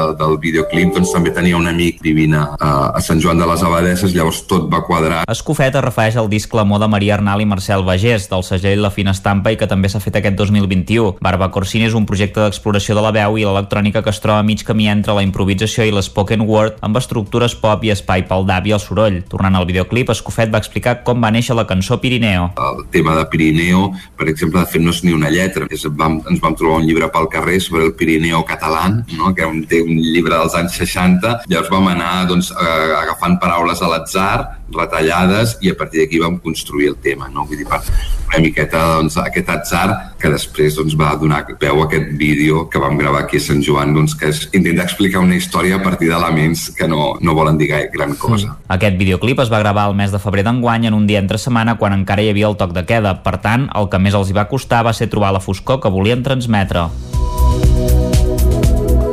Esports. L'Oncodines Trail bateja un dels trams a la prova esportiva solidària amb el nom de Tram Sergi Mingote, en homenatge a l'alpinista difunt. Caral Campàs, des d'Ona Codinenca. Aquest dissabte, un total de 556 persones de 93 equips i més de 220 voluntaris participaran al repte esportiu i solidari On Codines Trail. Els equips participants tenen tres possibles recorreguts. La prova corrent, que compta amb 71 quilòmetres i té sortida i arribada a Sant Feliu de Codines, la prova caminant, que compta amb uns 56 quilòmetres i també és circular, i un tercer recorregut de 44 quilòmetres per fer caminant, que s'ha incorporat degut a les restriccions horàries. Els equips estan formats per entre 4 i 6 persones, de les quals un mínim de 4 han de ser sempre dins el recorregut i la resta es poden anar rellevant. En tots els trams hi haurà punts de control perquè els equips puguin fer els relleus. En alguns dels trams els participants comparteixen recorregut. La segona etapa de la prova, comuna a les tres propostes, ha adoptat ara el nom de Tram Sergi Mingote en homenatge al padrí de la cursa. L'etapa recorre els cingles de Bertí des de Sant Miquel del Fai a Puiggraciós amb unes vistes privilegiades Terrades sobre el Vallès. Alhora es tracta d'un dels punts de més alçada del recorregut. A més d'adoptar el nom de l'alpinista, mort aquest hivern en un accident de la muntanya al K2, en aquest tram els participants trobaran un record de l'organització al padrí de la prova. I fins aquí el butlletí informatiu de les 10, que us hem ofert amb Vicenç Vigues, Clàudia Dinarès, David Auladell, Caral Campàs i Isaac Muntades. Ara refresquem el temps.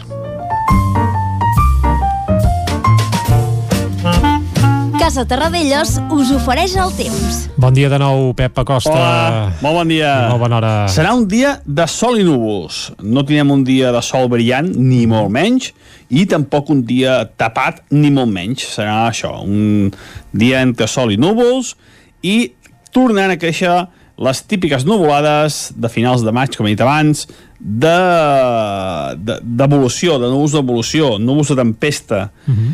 que sobretot afectaran cap a la zona del Ripollès i al nord d'Osona un dia més. Mm, les tempestes poden ser com les d'ahir, entre 0 i 5 litres, en algun lloc superar aquests 5 litres. Si avui els superen, ahir no es van superar. Espero que avui puntualment hi hagi algun xàfec una mica més fort. Les temperatures molt semblants a les d'ahir, potser 1 o 2 graus més altes.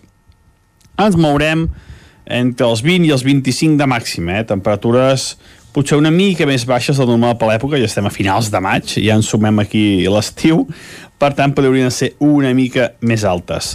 I els vents molt febles en règim de marinades, poder 20-30 km per hora com a màxim, molt, ja deia, molt, molt febles, no esperem vents destacats.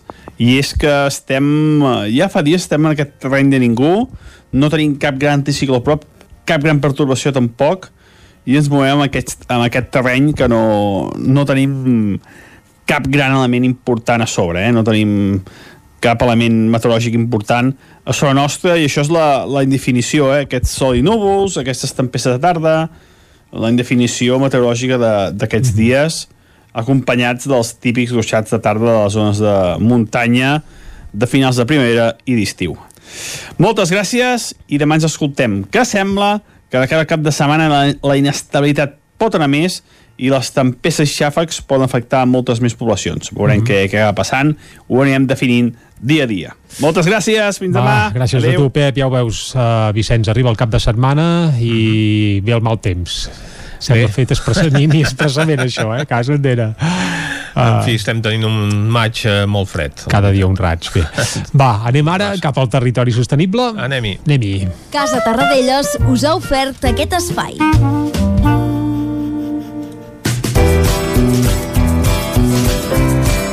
Doncs que posem-nos al territori sostenible amb Jordi Givert, que avui ha anat cap a Sant Quirze Safaja.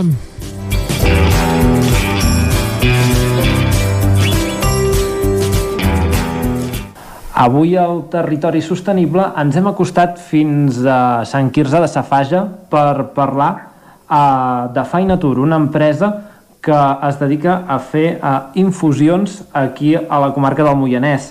Uh, per això teníem nosaltres uh, a la Sònia, és una de les membres de, de l'empresa.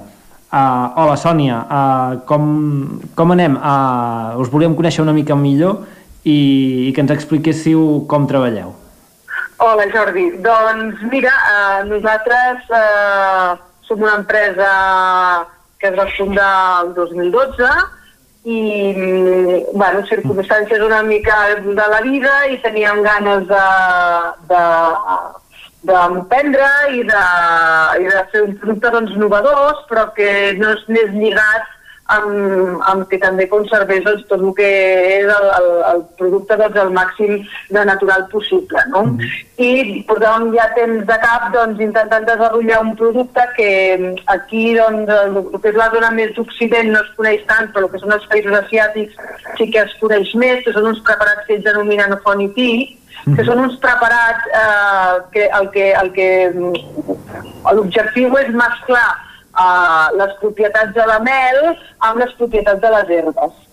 Uh, nosaltres vam voler donar-li un caire més, més mediterrani, utilitzant doncs, les herbes remeieres de, de la zona, que estem més acostumats, com pot ser doncs, la camamilla, l'espígol, la rosella, eh, també tenim un rama de tes, eh? però vam voler fer-ho més al gust nostre.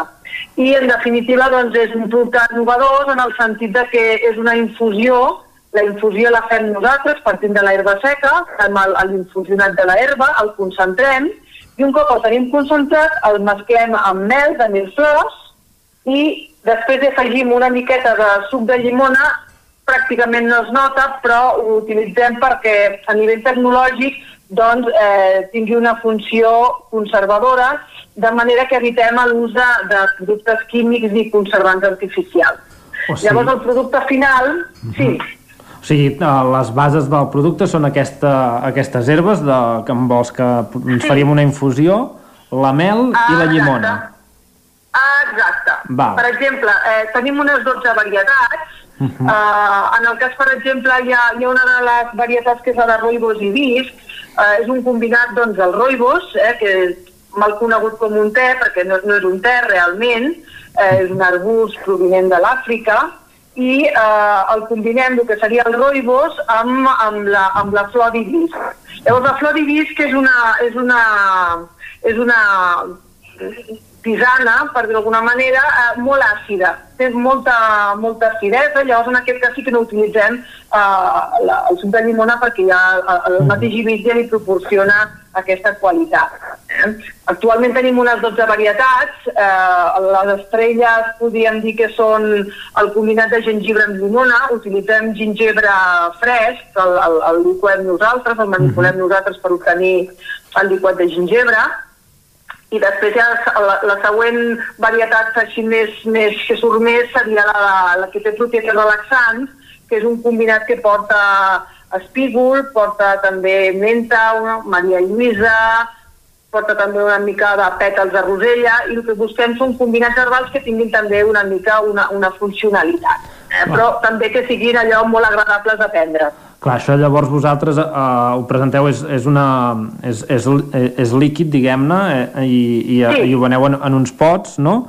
I llavors això el que hem de fer a casa és a, a barrejar-ho amb aigua i escalfar-ho i, i ja ens ho podem prendre. Bueno, exacte, aquí, aquí la- l'aspecte final del producte és com la, el d'un xarop, recorda molt l'aspecte de la mel, perquè evidentment com que un dels ingredients és mel, doncs l'aspecte perquè la gent es pugui fer una mica la idea és el d'una mel una miqueta més líquida i que inclou això, eh, la mel, el, el concentrat herbal i el, el suc de llimona i eh, es pot trobar en dos formats. El, el format que nosaltres denominem més de casa o home, que és un potet de vidre, Mhm. val? Com, com, com podria ser una melmelada, i eh, s'ha de dissoldre doncs, entre una o dues cullerades amb, aquí és una mica la gràcia, l'aigua pot ser freda o pot ser calenta. Pot estar bullint, si es vol molt calenta, o pot estar completament freda o gelada, inclús amb glaçons. Com que la infusió ja està feta i ja està controlada per part nostra, simplement s'ha de dissoldre. No, no, no s'ha d'escalfar ni s'ha d'infusionar. Llavors això li dona una gran practicitat al producte. Que molta gent que a l'estiu vol seguir doncs, prenent herbes, doncs moltes vegades l'ha de fer, llavors hi ha d'afegir glaçons de gel, llavors queda una mica igualit, o el fan el dia abans i ho posen a la nevera, llavors l'herba es pot oxidar.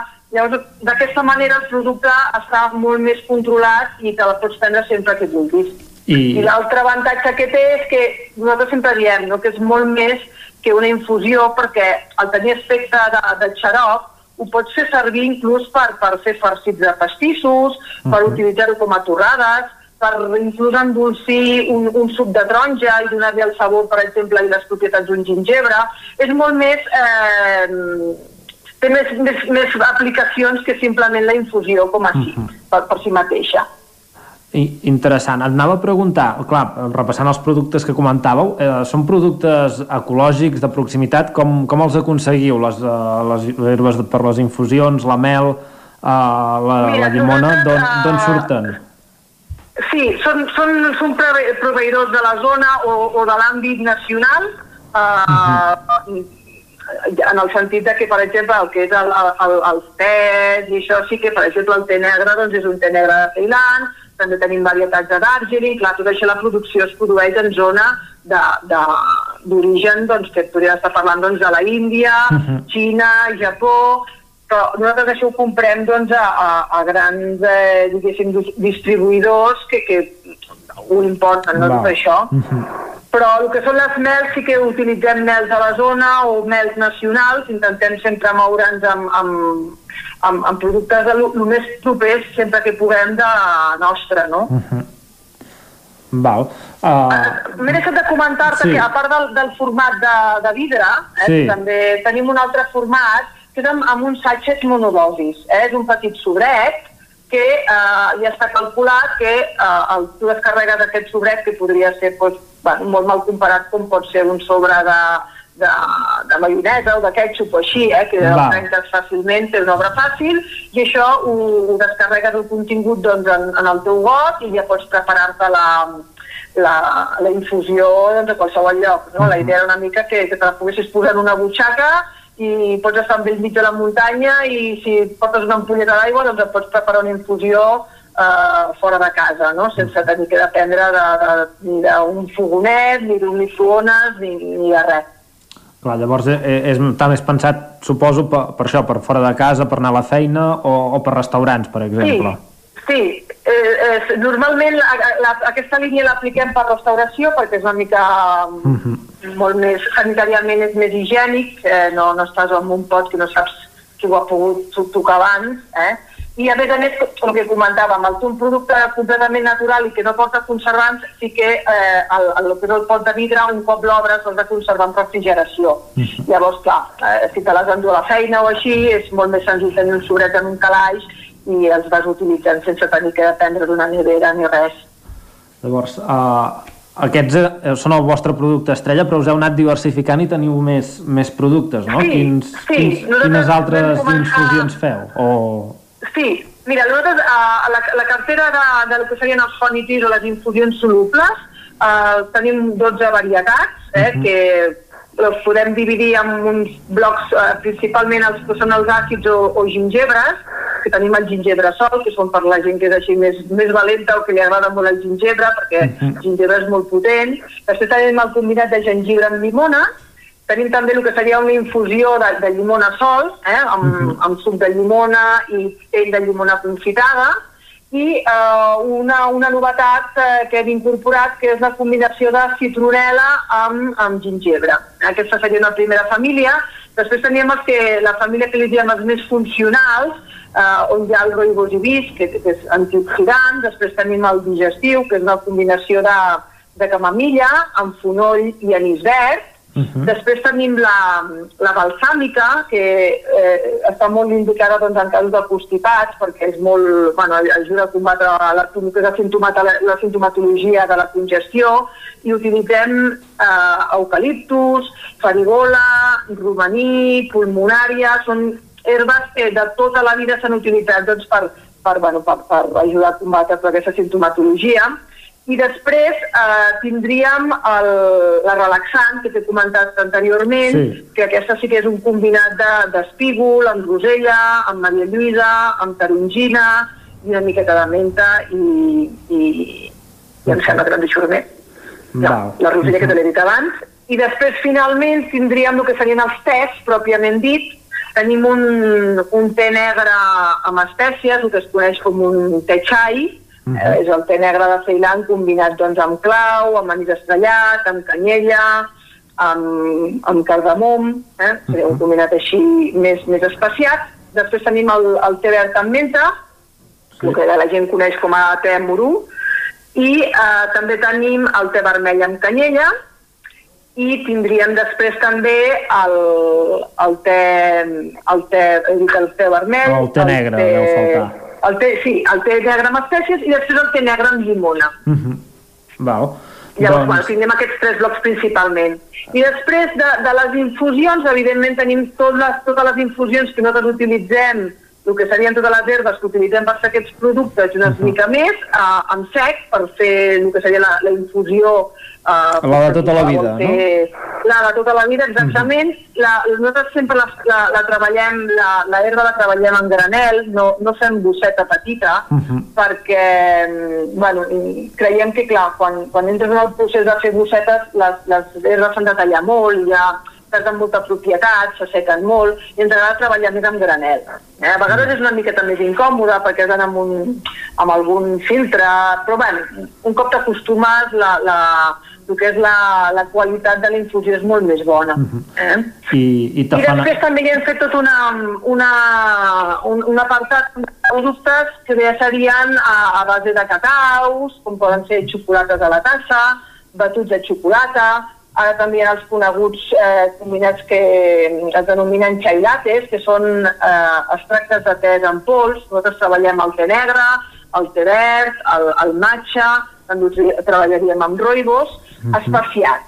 Eh? Llavors això ja està mesclat amb, amb sucre, morè, treballem nosaltres, i és per dissoldre-ho amb aigua o amb llet. I et queda doncs, com, un, com un batut, eh? eh és un batut de cacau que podem fer-nos al matí per esmorzar, però amb el te i amb les espècies. I és molt, molt agradable també de prendre. D'acord, doncs, uh, Sònia, gràcies per, per explicar-nos el, uh, els productes que feu. Per acabar, uh, on, on els pot trobar la gent? Els veneu en botigues petites, sí, per internet? Com, sí, com ens podem localitzar? Uh, sí, nosaltres el, normalment ho venem doncs, a botigues delicatessen, arboristeries, també estem a, doncs, en, en, en botigues que puguin mimar i cuidar una mica el producte. Eh? Perquè és, és un producte que realment s'ha d'explicar i no, no pot ser allò d'impuls que vas doncs, a qualsevol lloc i ho veus una estanteria i ho agafes, no? Llavors ens agrada mimar molt el producte i ens agrada doncs, treballar doncs, en botigues molt doncs, a pobles o de proximitat en el sentit de que puguin assessorar el, el, el client. Eh? Molt bé.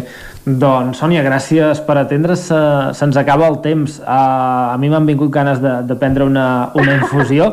Uh, gràcies per, per l'explicació i per descobrir-nos també aquest producte que jo personalment no, no coneixia.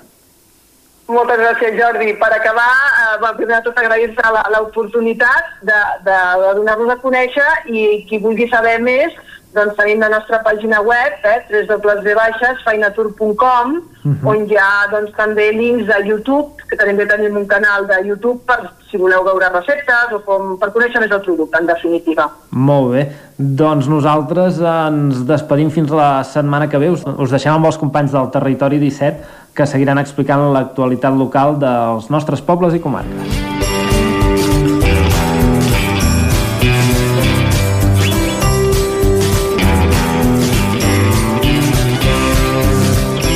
Doncs avui, Vicenç, que hem conegut uh, d'on surten les infusions, per exemple. Sí, senyor. Eh? De Sant Quirze Safaja. Bé, no pas totes, evidentment, però les de Fai Natura, evidentment uh mhm. -huh. que sí, i la veritat és que sonava llaminer i interessant tot plegat. Doncs res, fem una infusió i tornem d'aquí un moment. Doncs va, fins ara mateix. Territori 17 El nou FM, el nou FM. A Mobles Verdolet liquidem l'exposició. Vine a veure'ns i renova casa teva. Sofàs, sales d'estudi, dormitoris, matalassos, menjadors, rebedors i complements i molt més. Mobles Verdolet. Mobles fets a mida. Qualitat a bon preu. Ens trobaràs al carrer Morgades, número 14 de Vic i al carrer Nou, número 44 de Torelló. Telèfon 93 380 36 24. moblesverdolet.com Impremta Mater, el servei de particulars i empreses. Fem catàlegs, llibres, papereria corporativa, targetes, fulletons i també venem material d'oficina i escriptori, bolígrafs, arxivadors, grapadores, llibretes i molt més. Mater Impressors des de 1957. Impremta Mater. Ens trobaràs a la carretera de Sant Hipòlit, número 23 de Vic i a la impremtamater.com. Cocodril Club.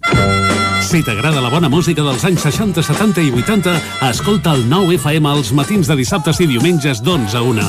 És el temps del Cocodril Club, tot un clàssic de la ràdio, amb les bases del pop-rock, les llegendes, les cançons que s'han convertit en autèntics himnes. Recorda, dissabtes i diumenges al matí, d'11 a 1, al 9 FM 92.8. Cocodril Club, el programa revival de l'Albert Malla. Hasta luego, cocodrilo.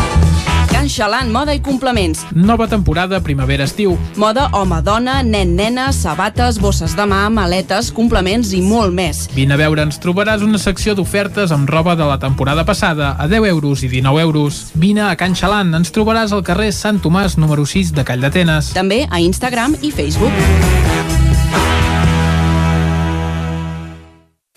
A Corretja tenim tot el que necessites per la teva llar. Tot tipus de paviments i revestiments, sistemes d'aïllament, cobertes, parquets, aixetes, ferreteria, pintures, fixació i cargoleria, vestuari i material de seguretat. Disposem de més de 3.500 metres quadrats d'exposició amb una nova zona exterior d'aïllaments. A Corretja som especialistes en cuines i banys. Us assessorem, dissenyem i realitzem el projecte des de l'inici fins a la fi del muntatge. 100% cuines, 100% banys. Al carrer Mas Vigues 8 de Vic, a corretja-sl.com o a Instagram. 100% materials per la construcció i la decoració. 100% corretja. Hi ha sensacions que són úniques. Aquell bany relaxant, mirar per la finestra quan plou i com les calderes Bailand, que li ofereixen fins a 15 anys de cobertura total amb el servei tècnic oficial Bailand. Informis a Oficiat Nord trucant al 93 886 0040. Amb el servei tècnic oficial de Bailand, la seva caldera estarà en les millors mans. El nou FM, el nou FM, el nou FM, el nou FM, el nou FM. Són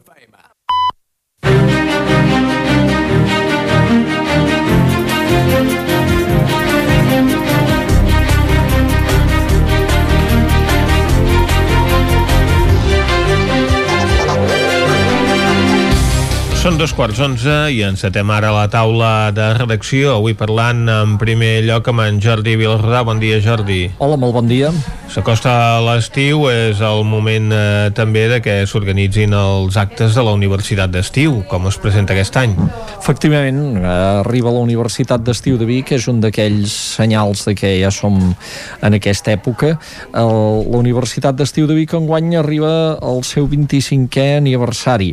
L'any passat, de fet, havia d'haver estat aquest aniversari, però es va endarrerir a causa de la pandèmia, es van fer algunes activitats en línia, però aquesta vegada torna ja molt més presencial que no pas en línia, perquè, per exemple, doncs, de l'oferta total de cursos, que són 28, 28 propostes uh -huh. a la Universitat d'Estiu, ja n'hi ha 14 de presencials, n'hi ha dues d'híbrides i la resta són en línia. Ja ens avancem el que serà el curs vinent a les Efectivament, que, com deia ahir el rector de la universitat en la presentació, hi haurà, hi haurà coses de, de les que s'han implantat, eh, perquè a més a més la universitat s'ha acabat d'equipar de, tecnològicament per fer-ho, per uh -huh. fer coses en línia, però eh, l'essència eh, és la presencialitat i, i, i per tant, doncs, eh, que ara que hi hagi algunes ofertes en línia, i les presencials hi seran eh, molt més, molt més eh, intenses que no, uh -huh. que no, que no l'any passat, evidentment, que ja, com dèiem, tot es va fer en línia.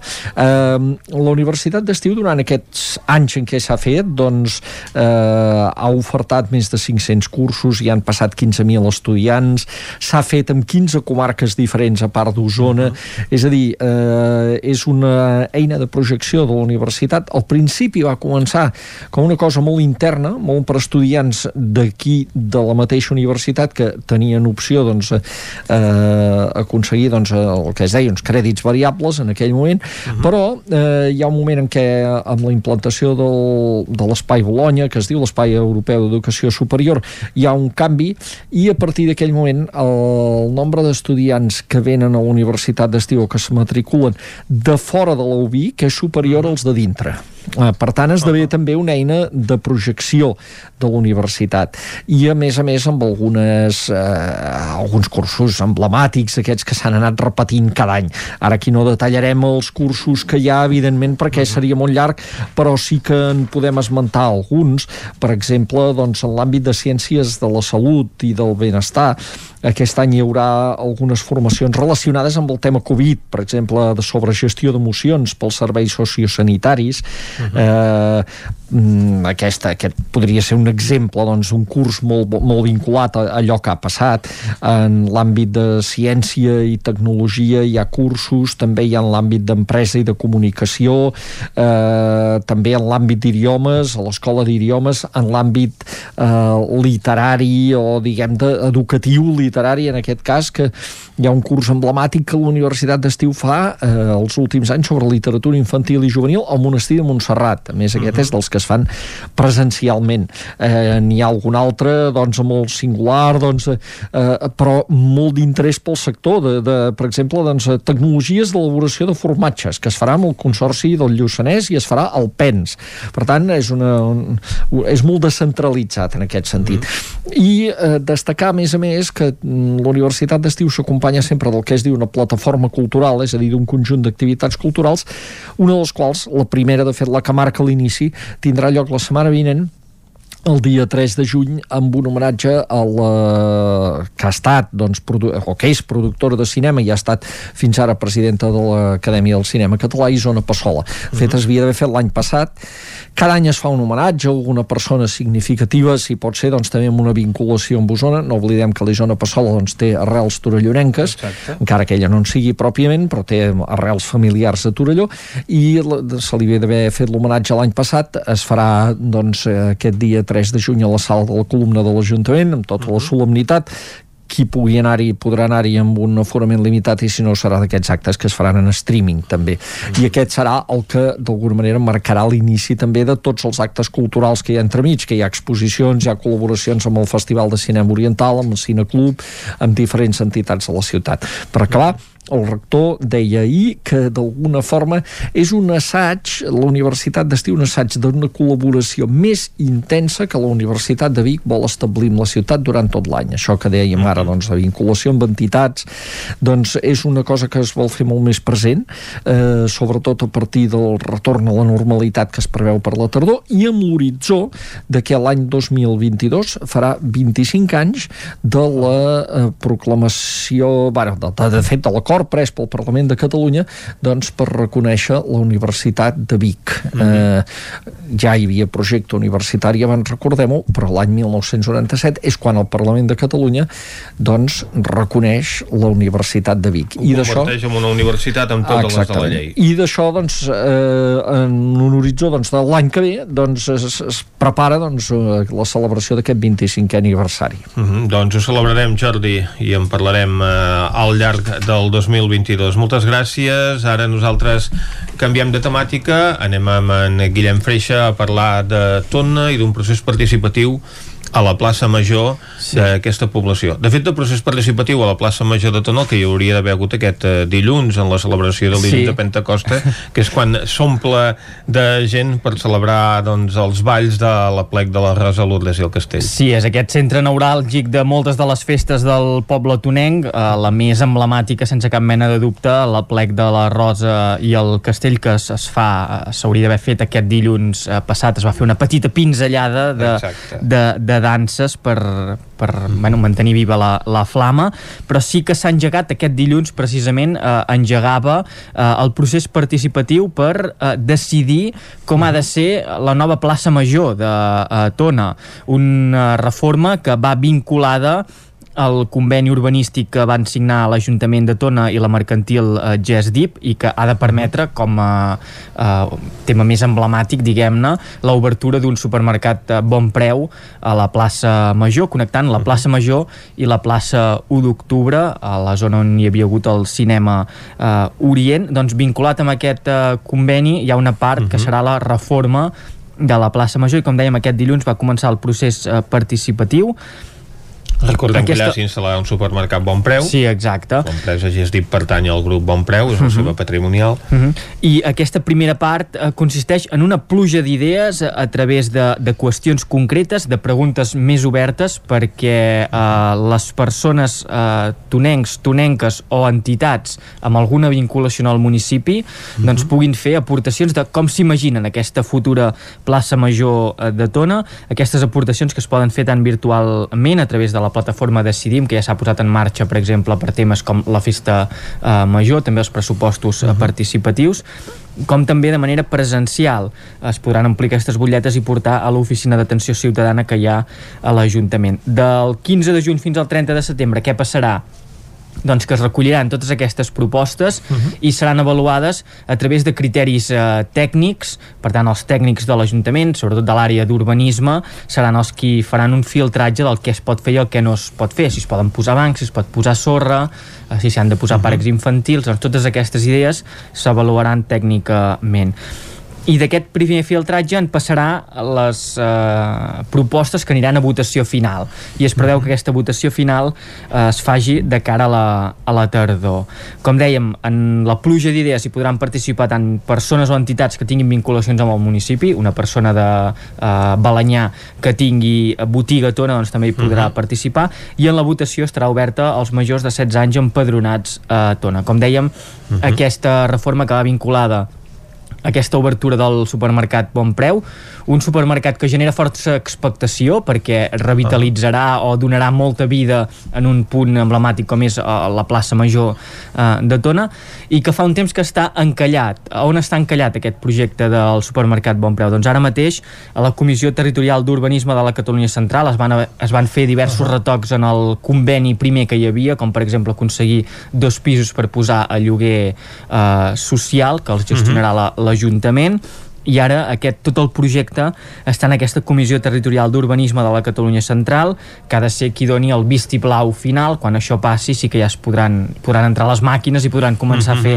a fer uh, les obres, però com dèiem sí que són unes obres esperades pel fet de tenir un altre servei al mig de Tona, com seria un supermercat de l'envergadura d'un mm -hmm. bon preu i de l'altre revitalitzar aquest rovell de l'ou de, de Tona, com és la plaça Major i en concret aquest edifici del Cinema Orient que connecta uh, dues dues parts de, del municipi. També la plaça eh, de davant de l'Ajuntament. De davant no? de l'Ajuntament. També hi ha tot un, un bloc de pisos, una zona d'aparcament que també eh, patirà modificacions. Per tant, una obra emblemàtica que s'haurà d'anar desenvolupant en els, propers, en els propers anys. Una obra emblemàtica en un espai emblemàtic de Tona i amb un equipament emblemàtic com va ser el Cinema Orient. Jo no hi vaig anar, però diuen que, diuen que sí. doncs sí, senyor. Guillem, moltes gràcies. Adeu. Ara nosaltres posem punt i final aquí a la taula de redacció. Territori 17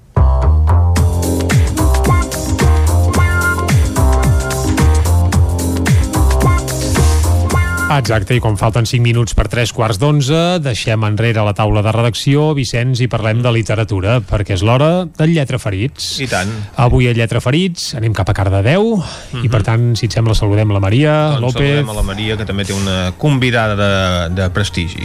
Vinga, bon dia, Maria. Hola. Bon dia i benvinguts a un nou Lletra Ferits, avui des de Cardedeu. Aquest cop hem sortit de l'estudi per traslladar-nos als Jardins Lluís Companys de Cardedeu, on la Laia Estrada i en Xavier Milian Milian, ho he dit bé? I el Xavier Milian presentaran en uns minuts el seu llibre Sortim de l'UCI, proposta per una sanitat pública. Un llibre que, tal i com anuncia el cartell que ens convoca avui, pretén ajudar a entendre el col·lapse sanitari durant la pandèmia amb l'objectiu de que no es torni a repetir. Bon dia, Laia. Bon dia, Xavier. Hola, bon dia. Bon dia. No sé si pequem d'optimistes esperant que no repeteixi el col·lapse o, o el pitjor ja ha passat, podríem dir. Precisament el llibre eh, parteix de la tesi de que és una sanitat prèviament desmantellada, no? Per tant, el que hem vist amb la Covid és un agreujament i les conseqüències d'un sistema que progressivament des de la dècada dels 80 s'ha anat desmantellant, no? I per tant, quan arriba la Covid, que és una cosa sense precedents, doncs si a d'altres llocs va, va suposar doncs, eh, un col·lapse, doncs en el cas de Catalunya aquest col·lapse ha sigut encara molt major, perquè recordem que des de l'any 2010 no és que hi hagi llits tancats, és que hi ha plantes d'hospitals senceres que estan tancades des de les retallades i que encara no s'han reobert.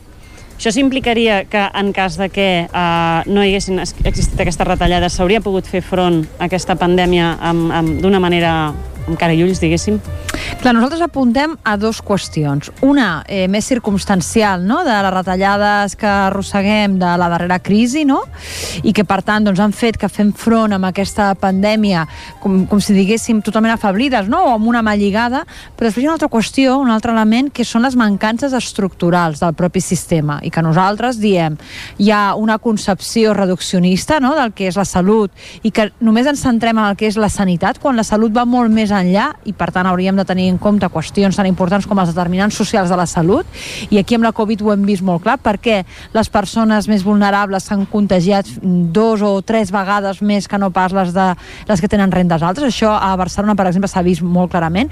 O com eh, els eh, repunts que hi va haver amb la, amb la segona onada, no? els primers rebrots que hi va haver, els vam tenir amb, amb aquells barris més vulnerables, eh, més densament poblats, o fins i tot doncs, amb grans centres de, de treball on les condicions potser no eren les més adients. No? Aquesta és una idea i després també tenim doncs, un sistema que, eh, que en, en matèria de salut pública, que és tota la part preventiva, eh, doncs tota la política en salut pública brilla per la seva absència. Llavors són mancances que arrosseguem juntament amb l'hospitalocentrisme que al final el que fan és tenir un sistema que, que no estava preparat per fer front amb, amb una pandèmia com aquesta i que malauradament a hores d'ara encara no hem començat a solucionar aquestes greus mancances, ni a nivell estructural ni a nivell pressupostari per recuperar-nos les retallades. Podríem dir, doncs, que què trobaríem més a dins perquè ens entenguem? Una, una mica un, una, un vidre, diguéssim, per veure què hi ha darrere dels quiròfans, què passa darrere dels hospitals, que no sabem i desconeixem una mica la població, o més aviat una repassada eh, als responsables polítics que haurien d'haver pogut preveure això els responsables de les retallades? Doncs el que trobem en primer lloc és una cosa que eh, és una mica estúpida dir-la, però és així realment, que és entendre com funciona el nostre sistema sanitari, perquè malauradament, des de que la Generalitat va assumir les competències en sanitat, han creat un entramat empresarial i tot un seguit d'estructures que fa que fins i tot els propis sanitaris que treballen en hospitals, en centres d'atenció primària, en el transport sanitari, no saben ni per qui treballen, no? I per tant, en primer lloc, el que fem és explicar com funciona aquest sistema sanitari, tenint en compte que la sanitat és la primera partida pressupostària més important de la Generalitat i un 70% d'aquest pressupost està gestionat per empreses externes, no? I quan parlem de sobirania, aquesta és una qüestió a tenir en compte, no? I que aquest 70% del pressupost no sabem on va parar, perquè totes aquestes empreses que gestionen aquests diners no es regeixen pels mateixos mecanismes de control i de fiscalització en què regeix l'Institut Català de la Salut. No? Per tant, ens trobem que la, la major part de diners que, que surten dels nostres impostos no sabem com es gestionen. A partir d'aquí, eh, el que fem doncs, és explicar quines conseqüències té això, no? i principalment el que diem és, un, amb les usuàries, tu vas en un mateix hospital i si vas amb la targeta del CatSalut t'hauràs d'esperar dos anys per una operació, si vas amb una targeta d'una mútua, dos mesos, i si pagues la teva butxaca, dues setmanes. Amb un mateix edifici, amb uns mateixos professionals que estan pagats amb diners de tots i totes. No? Per tant, la pròpia Generalitat està fomentant un sistema classista de la sanitat. Perquè fa els treballadors treballadors, el que deia abans, no saben ni on treballen. Hi ha múltiples prestadors, cada treballador, per molt que faci la mateixa fanya, cobra eh, o té unes condicions laborals completament diferents. No entendríem que un professor de matemàtiques cobrés diferent en un institut de Puigcerdà que en un d'Amposta. Doncs en la sanitat passa això. I en tercer lloc, eh, tot el que deia abans del control i la fiscalització, no? aquesta manca de transparència que fa que, com s'ha denunciat eh, als tribunals, eh, es parli que la sanitat pública és un lloc on hi ha un espoli eh, de recursos públics a mans privades. No? I per últim, i creiem que molt important, el que fem també és una proposta cap on creiem que nosaltres hauria d'anar, no? perquè molts cops eh, els llibres d'assaig ja centren en fer una crítica del que existeix i es queden aquí, i nosaltres apostem doncs, per un seguit de línies estratègiques per tal doncs, de fer un servei sanitari sanitari que estigui a l'alçada de les necessitats que tenim com a societat i que amb la Covid s'ha evidenciat. No? Um, tenim um, uns hospitals que quan va esclatar amb la malaltia, doncs els propis treballadors anaven sense la protecció i, i, i, i s'acaben infectant i fins i tot hi ha hagut metges que han mort per culpa de que s'han contagiat de la pandèmia en el propi hospital. No? Um, com podem permetre um, això? És um, inconcebible el fet de que d'alguna manera hi hagi aquesta desconeixença, entenc que és un llibre que d'alguna manera intenta això, no? obrir una mica una caixa eh, sobre un sistema que la gent desconeix. Eh, quan hi ha de voluntat d'amagar-ho i quan hi ha de que la gent passi d'alguna manera mentre es vagin tirant i els hi va bé?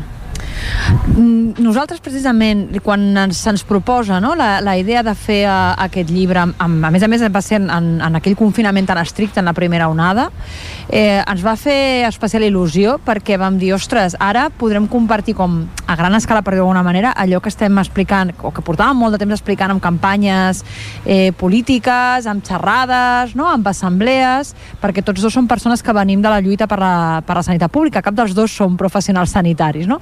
i una cosa que havíem detectat és que el sistema és tan opac i tan complex que això és el que facilita que es produeixi aquest classisme, que es produeixin aquests greuges entre els treballadors i les treballadores i eh, que hi hagi aquest espoli i aquesta corrupció sistemàtica no? en, en l'àmbit de la sanitat. Eh, dir que això és una casualitat eh, per nosaltres seria molt naïf, no? seria molt ingenu pensar que això és casualitat. No, des d'un de, des principi, des de que la Generalitat eh, té les competències que ja es configura aquest sistema de concertació público-privada que permet tot això. I aquí hi ha hagut eh, un regne de taifa del qual tots els partits polítics que han participat dels governs de la Generalitat hi han sucat i hi han tret partit, absolutament tots. I de fet, eh, només és la CUP el 2012, eh, 2012-2014, a partir de que entra el 2012 al Parlament, qui eh, trenca amb el pacte de salut que hi havia perquè posa en qüestió aquest eh, model de concertació público-privada i posa per primera vegada sobre la taula la necessitat d'avançar cap a un pacte de salut que sigui 100% públic, de titularitat, de gestió i de provisionament. I aquesta és l'única solució que tenim per garantir que els diners públics que són de totes i tots van a parar exclusivament a garantir unes condicions dignes pels treballadors i les treballadores perquè ens puguin prestar el millor servei possible i que, per tant, no hi hagi ni un lucre ni una corrupció, que són coses diferents, no? A, a costa de la nostra salut o el que és més pervers, a costa de la nostra malaltia. Eh, parlàvem que d'alguna manera la pandèmia ha evidenciat aquestes faltes no, del sistema sanitari o aquestes, aquesta deficiència. Eh, penseu que ha servit d'alguna cosa posar-ho al descobert d'alguna manera, el que s'hagi evidenciat que no estaven preparats? Si ens tornés a passar de la mateixa manera, ens tornaríem a quedar pillats igual? És que no sols s'ha evidenciat que no estaven preparats, s'ha evidenciat el que venim denunciant, que és que una persona no es podia fer una PCR, ni que fos població de risc o que fos un professional de la sanitat, però en canvi si eres d'una mútua i pagaves la teva butxaca, podies anar a un laboratori privat i et feien aquesta PCR per molt que no hi hagués cap necessitat de que te la fessin, no? Per tant, el que hem vist um, cruament és um, el que implica aquesta cohabitació pública o privada, que és que si tu tens diners, tens un tracte preferent que la resta de, de la ciutadania, fins i tot um, amb una conjuntura i en un context tan greu com és el d'una epidèmia, no? I nosaltres volem creure que aquesta pandèmia ha fet doncs, que la gent doni més importància a tindre un sistema sanitari públic, no? perquè hem vist com als Estats Units, per exemple, la gent es moria al carrer perquè no tenia una mútua. No? I, per tant, eh, que una persona, independentment de la seva renda, independentment de les seves condicions socioeconòmiques, tingui accés a una sanitat, doncs eh, hem vist que és imprescindible, i més quan és una pandèmia, que vol dir que si aquesta persona no té accés a aquesta sanitat pot contagiar a moltes altres. No? Per tant, eh, aquest és un primer pas que crec que hem pogut fer però el que fiquem sobre la taula és que el que cal fer ara és el segon pas, no? És um, que siguem coneixedors d'aquest sistema, um, siguem crítics i siguem, i siguem capaces d'exigir al govern de la Generalitat de que no val en revertir les retallades, en que no val anar ficant pedaços, sinó que el que cal és canviar aquest model perquè no és possible que amb una cosa tan sensible com és la nostra salut, que és la nostra vida, estigui a mans d'interessos econòmics i que per tant allò que ha de prevaldre en la gestió dels hospitals i dels centres d'atenció primària no és arribar a final de mes amb un balanç positiu als comptes, sinó que és um, tenir cura de la salut de la població, perquè estem jugant i estem parlant de les nostres vides. I insisteixo, estem parlant de la partida pressupostària més important del pressupost de la Generalitat. Per tant, estem parlant de que són els diners que paguem entre tots i totes amb la força del nostre treball i no pot ser que amb els diners del nostre treball estiguem pagant un sistema que el que fa és donar privilegis a la gent eh, que té majors privilegis ja en la societat, no? Per tant, el que ha de fer l'Estat i el sector públic és reduir aquestes desigualtats, no fomentar-les i cronificar-les. El govern tant el de la Generalitat com a nivell estatal d'alguna manera s'han fet bastant un far de fer una crida a la responsabilitat social, a que la gent complís eh, certes normes, eh, però a més a més d'alguna manera moltes vegades fin, eh, potser d'una manera una mica acusadora directa a segons quins sectors de la població, sobretot el sector més jove, que ara amb l'aixecada del toc de queda doncs, també s'han vist segons quines imatges que a vegades la gent es posava la fuma a les mans al cap. Però fins a quin punt aquesta crida a la responsabilitat social o aquestes acusacions, per si dir-ho, també han format part una mica d'una cortina de fum, per dir-ho d'alguna manera, d'aquest d'aquestes deficiències del sistema? Del tot. De fet, eh, la responsabilització exclusiva de la població serveix per eludir les pròpies responsabilitats de l'administració. I això ha estat pervers. Amb, amb el cas de la senyora Ayuso es va veure molt clar quan va dir que la gent havia de triar entre ser virus o vacuna i, i totes o moltes ens van posar les mans al cap, no? en el sentit de dir, ostres, vull dir, la gent no, no, no tria eh, contagiar-se i a més a més que precisament estava criminalitzant els sectors més vulnerables per allò que dèiem abans, no? d'aquests determinants socials de la salut, perquè són els que estan més exposats. Eh, són els que tenen menys capacitat de fer teletreball, són els que potser tenen menys accés al que són les, les mesures de, de protecció, etc. No? Eh, clar, això ho hem vist en casos com la senyora Ayuso, però és que la consellera Vergés també va fer alguna afirmació similar quan va dir que la millor manera de, de, de combatre el virus era no contagiar-se. Bueno, eh, la gent no es contagia perquè vol, no s'exposa no? perquè vol, i per tant, eh, per nosaltres... Eh, que estar-li estar, -li, estar dipositant la responsabilitat exclusivament en la població mentre tenies el transport públic a rebentar o mentre eh, no arribaven les dosis de vacunes, perquè no n'hem parlat encara, però eh, el que ha passat amb les vacunes, tot el tema de les patents, això també és, és, és un escàndol. Eh, doncs, bueno, és, és mirar de escórrer el bulto, no? que diríem col·loquialment, i de dir-li a la gent que tot és responsabilitat seva, quan en realitat aquí hi ha uns deures que no s'han fet a nivell de sistema de, de salut i hi ha uns deures que no s'han fet a nivell de salut pública en clau preventiva, en clau d'anticipar-nos, mm, anant a l'extrem podríem dir que aquesta pandèmia els experts, no, eh, epidemiòlegs, ja n'alertaven de feia temps. I en canvi, com que aquí no teníem doncs, un sistema de, video, de, de vigilància associat amb un, amb, un, amb un sistema de salut pública no, en clau preventiva, doncs no ens, no ens van posar les piles, no ens van preparar, per exemple. No? I de la mateixa manera, aquí no s'han pres les mesures que calia per combatre el virus perquè no hi havia diners per donar les ajudes que haurien calgut, i això va dir el senyor Gimón, que va dir no som Alemanya, no som França, i per tant aquí doncs, no podem fer segons què. Com? De recursos sí que n'hi ha, la qüestió és a on els destinem. Només per fer una mica de memòria, recordem que quan a la Xina ja s'estan fent confinaments, aquí ens en reiem, però que quan la pandèmia ja estava a Itàlia, al nord d'Itàlia, desbocada, aquí continuàvem com si no passés res. Vull dir, perquè això va passar fa un any i ens oblidem molt ràpid. I aquí s'han comès un munt de negligències i a hores d'ara amb cap govern ha donat amb explicacions ni assumit responsabilitats d'aquesta pèssima i, i pèssima no, és que això és, vull dir, han mort milers de persones. I veiem encara com a dia d'avui s'estan prenent amb decisions, portem dos mesos que ens estan dient que aquest cop les desescalades farà progressivament perquè hem après dels errors i veiem que no es pot fer d'un dia per l'altre el desconfinament i hem tornat a fer exactament el mateix. En pic s'ha acabat el toc d'alarma, han passat d'estar confinats a la nostra comarca a poder anar on volem, etc etc. Per tant, eh, hi ha unes contradiccions molt grans i el que queda sobre la taula és que els interessos del govern eh, no són la salut de la gent, són interessos econòmics, en primer lloc, perquè, com deia la Laia, mentre alguns estàvem tancats a casa, d'altres havien d'entrar en un tren o en un metro i anar a treballar en fàbriques on no es complien les distàncies socials, i en segon lloc, en pic hi ha unes eleccions i guanya una persona que s'ha dedicat a fer una política nefasta, doncs a partir de llavors amb el govern espanyol comença a prendre tot un seguit de mesures com si aquí no passés res, no? i per tant eh, està clar quins són els interessos que primen. Ja per acabar, la última pregunta que us faig. Uh, parlem del llibre, parlem de mesures concretes o d'alguna manera propostes perquè això no torni a passar. La primera proposta podríem dir que seria un control de l'administració com cal? Um, sí, però és que no estem demanant res estrany, estem demanant que es faci amb la sanitat el mateix que es fa en qualsevol altre departament de la Generalitat, no?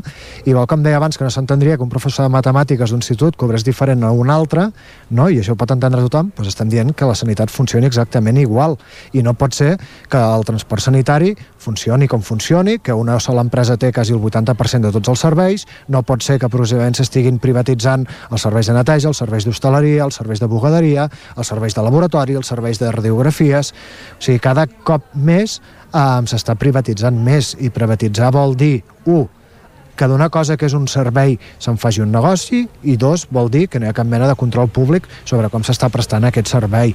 I tres, que les condicions laborals cada cop van a menys i uns treballadors i unes treballadores amb unes condicions més precàries de treball, amb contractes d'un sol dia o entorns empalmats, vol dir pitjor servei. Per tant, al final, les ciutadanes, com a persones que paguem impostos i com a persones que arribem al servei, en som les principals perjudicades. Doncs escolteu, Laia Xavier, moltíssimes gràcies per, aquesta petita entrevista. No us robo més minuts que us estan esperant per la, per la presentació del llibre i sobretot moltes gràcies per deixar-me robar-vos aquesta estoneta just abans de començar. Doncs moltes gràcies a Valros. Merci. Doncs la Maria Catlletra Ferits d'avui ha conversat amb els dos autors d'aquest interessant llibre. Per cert, una ara és uh, diputada copaire Exacte. al Parlament. Uh -huh. uh, el llibre és Sortim de Luci, no hem dit el títol, però ja ens ha dit prou la Maria. Proposta per a una sanitat pública és el uh -huh. subtítol d'aquest llibre de la Laia Estrada, ara diputada de la CUP al Parlament i de Xavier Milian. Uh, que, per cert, la Laia Estrada van estar a punt de, de detenir-la fa uns pocs dies, eh? El que passa que com que és forada i tot plegat, al final potser la cosa no va acabar arribant a bon port, però és aquesta diputada de la qual crec que ens sentirem a parlar, perquè uh -huh. és la diputada per la CUP que va sortir per Tarragona, i bé, recordo que fins i tot en alguns debats de les eleccions del 14 de febrer passades, eh, veient que la Dolors Sabater doncs, a vegades coixejava un pèl, doncs hi van posar la Laia Estrada i uh -huh. el perfil va canviar un pèl. I tant. O dos.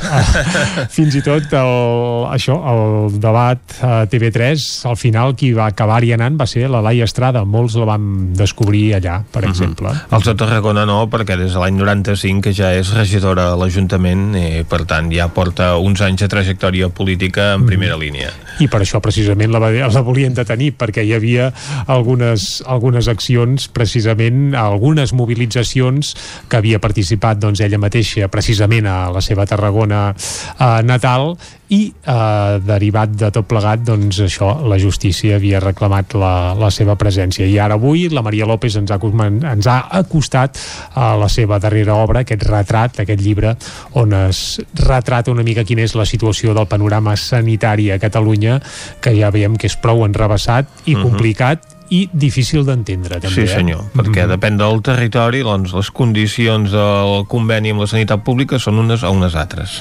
Bé, com que no en traurem pas l'entrellat nosaltres no. ara, aconsellem que, que us capbusseu amb la lectura d'aquest llibre i amb aquest consell tancarem ara Lletra Ferits a les 11 en punt. Més informació aquí al Territori 17. Tanquem a Lletra Ferits.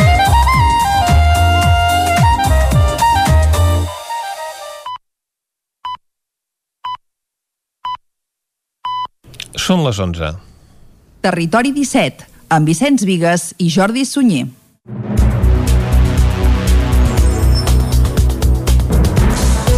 I a les 11 en punt torna la informació de les nostres comarques, la informació de les comarques del Ripollès, Osona, el Moianès i el Vallès Oriental.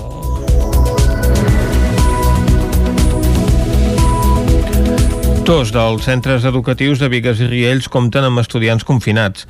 A l'Institut Maria de Belllloc s'han aïllat dues classes de segon d'ESO i a l'Escola del Turó una classe de sisè de primària. Caral Campàs, des d'Ona Codinenca.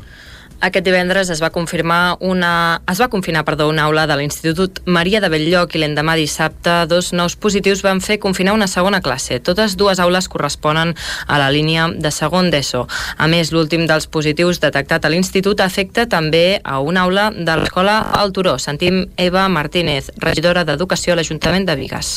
De segon de l'ESO, confinades, Val? Una va ser la de divendres que tu vas comentar i una altra va ser d'un positiu que va sortir el dissabte.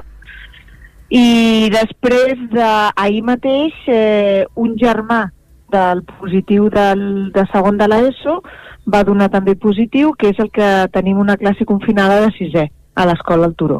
En total són 72 infants i joves confinats de dues escoles del total de quatre centres educatius que té Vigues. Les dues classes de l'institut ja s'han fet les proves PCR i, eh, PCR i ara resten pendents que es facin les proves al grup de sisè del Turó. Uh, de, la, de segon de l'ESO, aquesta primera ja, va, ja se va fer proves, PCR, avui s'han fet les de l'altre segon, que ha de sortir al cap setmana, s'han fet avui i ara estem pendents de que ens donin per fer les del grup de sisè de primària, que està confinat. Les últimes jornades, el 100% dels contagis a Vigues i Riells s'estan produint a grups de persones molt joves. Des del consistori recorden que si es té constància de positius a l'entorn familiar, cal fer l'exercici responsable d'autoconfinament fins rebre comunicació des del centre de salut o del centre educatiu. La Diputació de Barcelona millorarà la seguretat viària del camí que va de Tona a Muntanyola. També transformarà en carretera el camí que va de Folgueroles a Tavernoles i el de les Ferreres, que uneix Sant Bartomeu del Grau amb Muntanyola. La Diputació de Barcelona destinarà, destinarà 3 milions i mig d'euros a arranjar tres camins de la comarca. Així mateix ho estableix el Pla Zonal de la xarxa local de carreteres de la Diputació de Barcelona, que es va presentar ahir al matí a la sala de plens del Consell Comarcal d'Osona. L'objectiu és garantir i millorar les condicions d'accessibilitat al territori, sobretot en municipis petits que no disposen de connexions adequades amb la xarxa de carreteres. En aquesta primera fase es millorarà la seguretat viària del camí que va de Tona a Muntanyola. També s'actuarà en el camí que va de Folgueroles a Tavernoles i el de les Ferreres que uneix Sant Bartomeu del Grau a Muntanyola. Tots dos passaran a ser carreteres. Pere Pons és el diputat d'Infraestructures i Espais Naturals de la Diputació de Barcelona. Els camins que es millora la seguretat, la cosa cosa serà una realitat el, el 22, perquè és un tema que ja el tenim més o menys resolt, però mm, el quart trimestre, bàsicament al final del 22, i els que són camins que passen a carreteres, la cosa és més complexa, perquè aquí ja haver-hi tot el tema de les expropiacions. De fet, ja es farà l'estudi de traçat, es faran les expropiacions, es farà el projecte, i tot i que ara s'actua en la part de la, de la calçada, sí que es fan les expropiacions a banda i banda dels 3 metres per actuacions futures. El projecte de millora del camí que va de Tona Muntanyola, un tram de dos quilòmetres, s'executarà l'últim trimestre del 2022 i tindrà un cost de 426.000 euros. La transformació del camí que va de Folguera a les Tavèrnoles a carretera, un recorregut d'un quilòmetre i mig, costarà 1.100.000 euros i s'iniciarà el primer trimestre del 2024. En aquest mateix moment arrencarà el projecte de transformació del camí de les Ferreres, el més llarg i costós del Pla Zonal. Canviar aquest vial de 4 quilòmetres i mig a carretera suposarà una inversió de gairebé 2 milions d'euros, ho explica Joan Carles Rodríguez, president del Consell Comarcal d'Osona. Per la comarca és important en el sentit que podem resoldre eh, situacions, de, situacions de conflictivitat, situacions de camins que ara mateix doncs, eh, eh, hi passen bastants vehicles, que a més a més no es poden, a, a vegades en el creuament, en tractar-se de camins locals estrets, en el creuament doncs, eh, hi ha dificultats i tenint en compte la densitat de trànsit que hi ha, doncs és un problema. Per tant, realment per Osona és un avenç segur. Totes aquestes actuacions, segons els alcaldes dels pobles beneficiaris del pla, contribuiran en la lluita contra el despoblament i augmentaran la seva competitivitat econòmica. Vic enceta per primera vegada una campanya que promou que es llencin les cigarretes apagades a les papereres.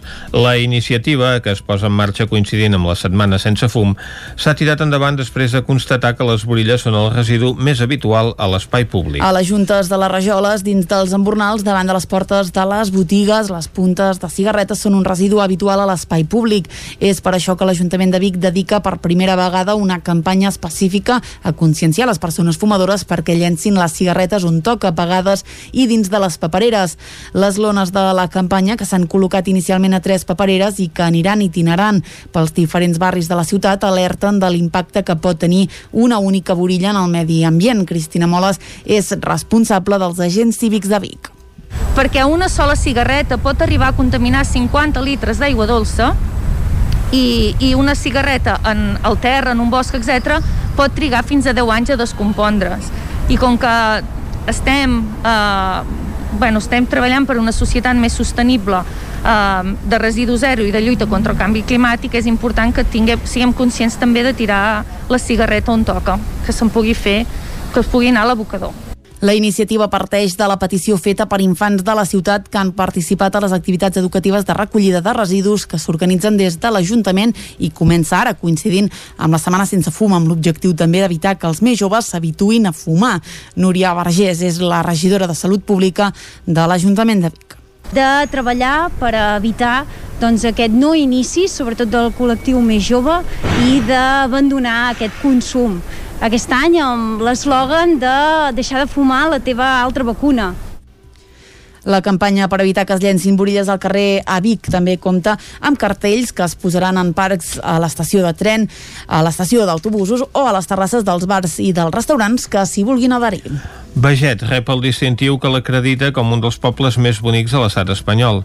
Isaac Muntades, des de la veu de Sant Joan. A finals de la setmana passada, l'alcalde de Camprodon, Xavier Guitart, acompanyat d'una delegació de fins a tres regidors més del consistori, va recollir el certificat que concedeix l'associació Pueblos Más Bonitos d'Espanya i que acredita el nucli urbà de Beget, pertanyent a la vila camprodonina, com un dels 11 llocs més bonics de l'estat espanyol d'aquest any. L'entrega es va fer en el decurs de la Fira de Turisme de Madrid, Fitur, on també es va presentar i entregar una nova guia de turisme 2021, on Beget també hi té el seu protagonisme. Beget és un petit nucli urbà de poc més de 20 habitants i es troba enclotat en una vall després de baixar per la carretera de Rocabruna. El poble es troba a l'Alta Garrotja, un espai d'interès natural que comprèn les zones prepirinenques de tres comarques diferents, la Garrotja, el Vallespí francès i el Ripollès, que és la comarca on està situat. Beget va tenir municipi propi fins a l'any 1969, en què es va annexionar a Camprodon. La vila està situada a la capçalera del riu Llerca i les seves cases de pedra s'agrupen al voltant de la riera de Beget. Actualment és un poble turístic i de segones residències que l'any 1860 havia arribat a tenir 1.309 habitants. El nucli de Beget està format per tres sectors o barris que estan separats per dues rieres i connectats per dos ponts. L'edifici més destacat és l'església de Sant Cristòfol d'estil romànic que va ser construïda entre els segles XII i XIII al voltant de la qual hi ha el sector més antic de Beget. Pel pont del municipi, que segurament monument és del segle XIV, s'accedeix al segon sector del poble, on s'uneixen el camí de França i el de la Font en una petita plaça. En aquest sector cal destacar la Torre del Rellotge i un pont nou sobre la riera del Trull del 1940. L'artista Cinta Vidal de Cardedeu pinta un mural a la nova seu de Facebook a Califòrnia. L'obra, titulada Connected, vol, vol il·lustrar la capacitat de les xarxes socials per unir les persones. David Auladell, de Ràdio Televisió, Cardedeu. Connected, així és com s'anomena l'obra que la muralista de Cardedeu, Cinta Vidal, ha pintat a les noves instal·lacions que Facebook està enllestint a la zona de l'abadia de San Francisco. L'artista proposa un joc d'arquitectura on diverses cultures estan connectades amb passarel·les o carreteres com a referència al paper que les xarxes socials juguen per combatre la soledat i unir gent de qualsevol part del món. Connected té l'estil tan característic de Vidal, on les formes impossibles i la gravetat tenen un paper protagonista. Vidal recorda que va acabar en aquest projecte després que li fessin una entrevista per una revista d'art. Tot plegat es va iniciar abans de la pandèmia i després de diverses dificultats s'ha pogut concretar. Vidal ha dut a terme el projecte amb la col·laboració de la professional d'escenografia i professora d'art a l'ESCAC, Helena Salvador. Tot i haver enviat la proposta abans de la pandèmia, el coronavirus no ha afectat el contingut de la seva obra. L'obra de Vidal s'emmarca en l'anomenat Facebook Open Arts, un projecte amb què el gegant de la comunicació busca artistes internacionals per la decoració de la nova seu. Oh, I fins aquí el butlletí informatiu de les 11 del matí que us hem ofert amb Vicenç Vigues, Clàudia Dinarès, David Auladell, Caral Campàs i Isaac Muntades. I ara, abans de saber amb qui farem eh, l'entrevista avui, hem donat unes quantes pistes, eh? Un ciclista molt mític, segurament un dels millors de tots els temps en l'àmbit nacional i bé, en Vicenç evidentment ja sap de qui es tracta perquè, perquè clar... Em temo que sí. Sí, sí, sí, perquè, perquè hi conversaràs de seguida, però abans sabrem o refrescarem la informació meteorològica perquè aquests dies sembla que s'acosten sorpreses, eh? Ens ho ha dit ja a primera hora en Pep Acosta i que la cosa es pot anar complicant. Uh, els detalls de seguida. Anem-hi.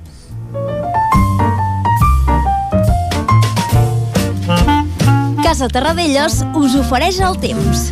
Doncs vinga, saludem de nou en Pep Acosta, que ja el tenim aquí. Bon dia, Pep. Hola, molt bon dia. I molt bona hora. Serà un dia de sol i núvols. Mm -hmm. No tindrem un dia de sol brillant, ni molt menys, Una mica de tot, i tampoc un dia tapat, ni molt menys. Serà això, un dia Poti, entre poti. sol i núvols, Mm -hmm. i tornant a créixer les típiques nuvolades de finals de maig, com he dit abans, de- de- d'evolució, de, de núvols d'evolució, núvols de tempesta, que sobretot afectaran cap a la zona del Ripollès i al nord d'Osona un dia més. Mm, Un clàssic, les tempestes sí, sí, poden ser com les d'ahir, Mhm. entre 0 i 5 litres, en algun lloc superar aquests 5 litres. Si avui els superen, ahir no es van superar. Espero que avui puntualment hi hagi algun xàfec una mica més fort. Les temperatures molt semblants a les d'ahir, potser 1 o 2 graus més altes. Ens mourem entre els 20 i els 25 de màxim, eh? temperatures potser una mica més baixes del normal per l'època, ja estem a finals de maig, ja ens sumem aquí l'estiu, per tant podrien ser una mica més altes. I els vents molt febles en règim de marinades, poder 20-30 km per hora com a màxim, molt, ja deia, molt, molt febles, no esperem vents destacats. I és que estem, eh, ja fa dies estem en aquest terreny de ningú, no tenim cap gran anticiclo a prop, cap gran pertorbació tampoc, i ens movem en aquest, en aquest terreny que no, no tenim cap gran element important a sobre, eh? no tenim cap element meteorològic important a sobre nostra i això és la, la indefinició, eh? aquest sol i núvols, aquestes tempestes de tarda, la indefinició meteorològica d'aquests dies acompanyats dels típics ruixats de tarda de les zones de muntanya de finals de primavera i d'estiu. Moltes gràcies i demà ens escoltem. Què sembla que de cada cap de setmana la, la inestabilitat pot anar més i les tempestes i xàfecs poden afectar moltes més poblacions. Veurem què, què va passant, ho anirem definint dia a dia. Moltes gràcies, fins demà. Va, ara Adéu. sí, Pep, fins demà. Avui ja no et trucarem pas més. I Vicenç, avui tempestes al nord d'Osona i al Ripollès. Ens augura en Pep Acosta, però sembla que de cara al cap de setmana es poden estendre no només a tot el territori 17, sinó pràcticament a, a tot el Principat, pel que ens diu en Pep. Bé, ha estat un, un maig poc plujós, això sí que no es pot negar, temperatures baixes, però poques pluges en aquest eh, mes de maig que ja ahir de fet eh, doncs, eh, ens va deixar això, alguna gota al nord d'Osona i també en alguns punts de, del Ripollès però una cosa poc significativa pel que s'espera d'un mes de maig i el que convé precisament doncs, és que la pluja s'uni als boscos i aquest mm -hmm. estiu no haguem de patir per culpa d'alguna sequera que posi en perill les nostres masses forestals. Bé, això dimarts que ve farem un repàs del mes de maig, sabrem mm -hmm. si la pluja ha estat per sobre o per sota la mitjana, perquè com passa sempre els primers eh, dimarts de cada mes, doncs ens visitarà en Manel Dot, l'altre nostre meteoròleg de capçalera al costat d'en Pep Acosta. Ah, exactament. Fet aquest apunt meteorològic, fem ara una petita pausa i anem a l'entrevista. Molt bé. Doncs anem-hi. Casa Tarradellas us ha ofert aquest espai. Territori 17. Envia'ns les teves notes de veu per WhatsApp al 646 079 023. 646 079 023. WhatsApp Territori 17.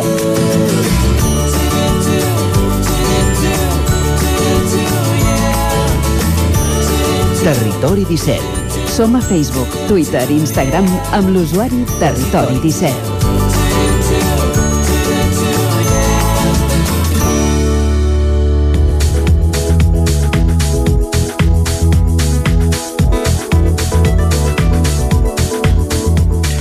Ara mateix eh, falta mig minut per un quart eh, de 12. Eh, aquest dimecres doncs, es compleix una setmana del 30è aniversari d'una de les grans gestes de l'esport català, el triomf de Malció Mauri a la Vuelta a Espanya, a la 46a edició de la Vuelta a Espanya. Una victòria que ningú no s'esperava, però que encara es recorda per la manera com es va produir i perquè no hi ha hagut cap altre ciclista català que l'hagi pogut repetir des de llavors. Molcio Mauri va dominar aquella edició de la Vuelta des del principi. El que volem doncs, és saber més detalls de com va anar aquella gesta esportiva i també que, de què se n'ha fet de Molció Mauri després de retirar-se del ciclisme. Bon dia, Molció. Hola, bon dia. Poc, eh, poc després de retirar-te del ciclisme professional, l'any 2002 vas venir a viure a la Costa Brava on continues molt vinculat al món del ciclisme. Això sí que no ho has deixat mai. Sí, exacte, no, no ho he deixat mai. La veritat és que el món del ciclisme pues, realment és el que conec i és el que, el que m'encanta i, i m'ho passo bé i per tant doncs el segueixo practicant com a aficionat, com a, com a, diguéssim, sense cap mena d'objectiu eh, esportiu de rendiment, que, que tot això ja va, em va tocar fer-ho en el seu moment, i per tant ara pues, sempre dic que gaudeixo i, i disfruto i m'ho passo bé practicant ciclisme. I aquests dies molta gent ha recordat aquell eh, triomf de la Vuelta a Espanya, del qual ara se'n compleixen 30 anys. Sí, evidentment ha sigut algú, pues, bueno, és una data bueno, bastant eh, marcada a, a l'hora de, de, de, de que es compleixin 30 anys de la victòria de la Volta a Espanya del 91 i per tant, doncs, bueno, eh, evidentment molta gent pues, m'ho ha, m'ha felicitat, m'ho ha recordat eh, i això pues, evidentment t'alegra, no? És, com, com jo sempre dic, eh, re, rememorar i recordar aquestes coses és, és el meu patrimoni esportiu, no? el que he deixat i el que evidentment m'alegra i em, i em fa feliç recordar-ho. I un patrimoni també de molta gent que ha viscut tots aquests èxits. En aquella, en aquella edició tu vas guanyar totes les contrarrellotges, la del pròleg per tercets, la contrarrellotge per equips amb l'11 i totes les individuals. Sí, correcte. Uh, aquí tret a la cronoescalada de l'Àlex Carai, que realment aquella sí que... Però, però mira, aquesta concretament no la vaig guanyar, però va ser la que em va donar a mi uh, inputs de que podia, per què no, uh, pensar i somiar amb guanyar la Volta Ciclista a Espanya. Perquè fins aleshores jo anava passant dia rere dia, dia rere dia, va, uh -huh. has aguantat aquí, va, has passat això, va, has passat aquesta etapa, va, uh, has passat Ferler, vinga, uh, i quan va arribar aquesta etapa, ei, per emoció, ostres, tu, que això, uh, per què no, pots pensar en que, en que guanyar la Vuelta pot ser una realitat, no? I aleshores, doncs, bueno, sí que és cert que, bueno, com tu dius, va ser una edició a la qual hi havia moltes contrarrellotges i això a mi em va beneficiar perquè vaig dominar en aquesta disciplina. Uh Mhm. -huh. L'equip 11 també va dominar amb la primera per trios i amb la contrarrellotge per equips, i això em va ajudar pues, a treure un temps important a, als meus eh, principals rivals. Uh -huh. I en aquella cronoescalada tu vas veure que anant al teu ritme i agafant-te les pujades com si fos una cronoescalada, doncs tenies les teves opcions fins i tot en aquella polèmica etapa als llacs de Covadonga on eh, doncs Marino Lejarreta, el teu company d'equip, va atacar per mirar de guanyar aquella etapa i posar-se líder. Sí, exacte. Jo tenia clar que uh, jo era un corredor que hi he sigut, eh, quan he sigut ciclista professional, que l'alta muntanya pues, no era el meu, que realment havia d'estar molt bé físicament per aguantar o per perdre poc temps, i tenia clar que havia d'agafar, i, i així ho vaig aprendre a fer, el meu ritme. No podia uh, sortir amb atacs explosius d'escaladors perquè no era la meva manera de pujar, havia de pujar a un ritme més eh, progressiu i això és el que realment vaig aprendre a fer i vaig fer en aquella volta i sobretot en aquella etapa de Lagos, no? Com tu dius, uh -huh. Marino pues, va provocar atacs eh, a la part de, de la Huesera al final per intentar pues, bueno, desbancar a Miguel Indurain i aviam si el podia passar i d'aquesta manera pues, eh, bueno, eh, posar-se ell per davant de Miguel i això o que això pogués fer pues, que Miguel pues, desistís de possibles atacs. Eh, evidentment això em va a mi provocar no solament els seus atacs, eh, uh -huh. amb anterioritat també el recordo l'Iñaki Gastón i CD Xavi uh -huh. també van posar un ritme molt fort a l'inici de la Ucera, que uh -huh. van ser els que em van fer perdre ja una mica de contacte amb ells, però eren pocs metres. Uh -huh. I és cert que vaig anar pujant tota, tota la part de Lagos, pues, pràcticament a 100-150 metres d'ells, els anava veient en tot moment, em anaven uh -huh. dient que si 10, que si 15, que si 20 segons, i així uh -huh. vaig pujar, però en aquest cas vaig haver-me de regular i vaig haver de, de pujar sempre al meu ritme, sempre al, a, una, a una intensitat que jo veia que la podia aguantar fins al cim. Mm, I sol, eh? Sense que ningú t'ajudés al teu equip. Sí, en aquest cas eh, sol, eh, evidentment allà quedava només ja Marino Lejarreta, que ell estava davant i ell estava pues, uh -huh. intentant fer pues, aquesta tasca per intentar millorar la seva classificació i jo evidentment m'estava defensant uh -huh. com, eh, tot podia pues, per, per mantindre pues, aquell mallot i, i minimitzar pues, sobretot eh, tant amb ell com amb, amb Miguel, evidentment en benefici meu propi eh, la diferència que anaven traient.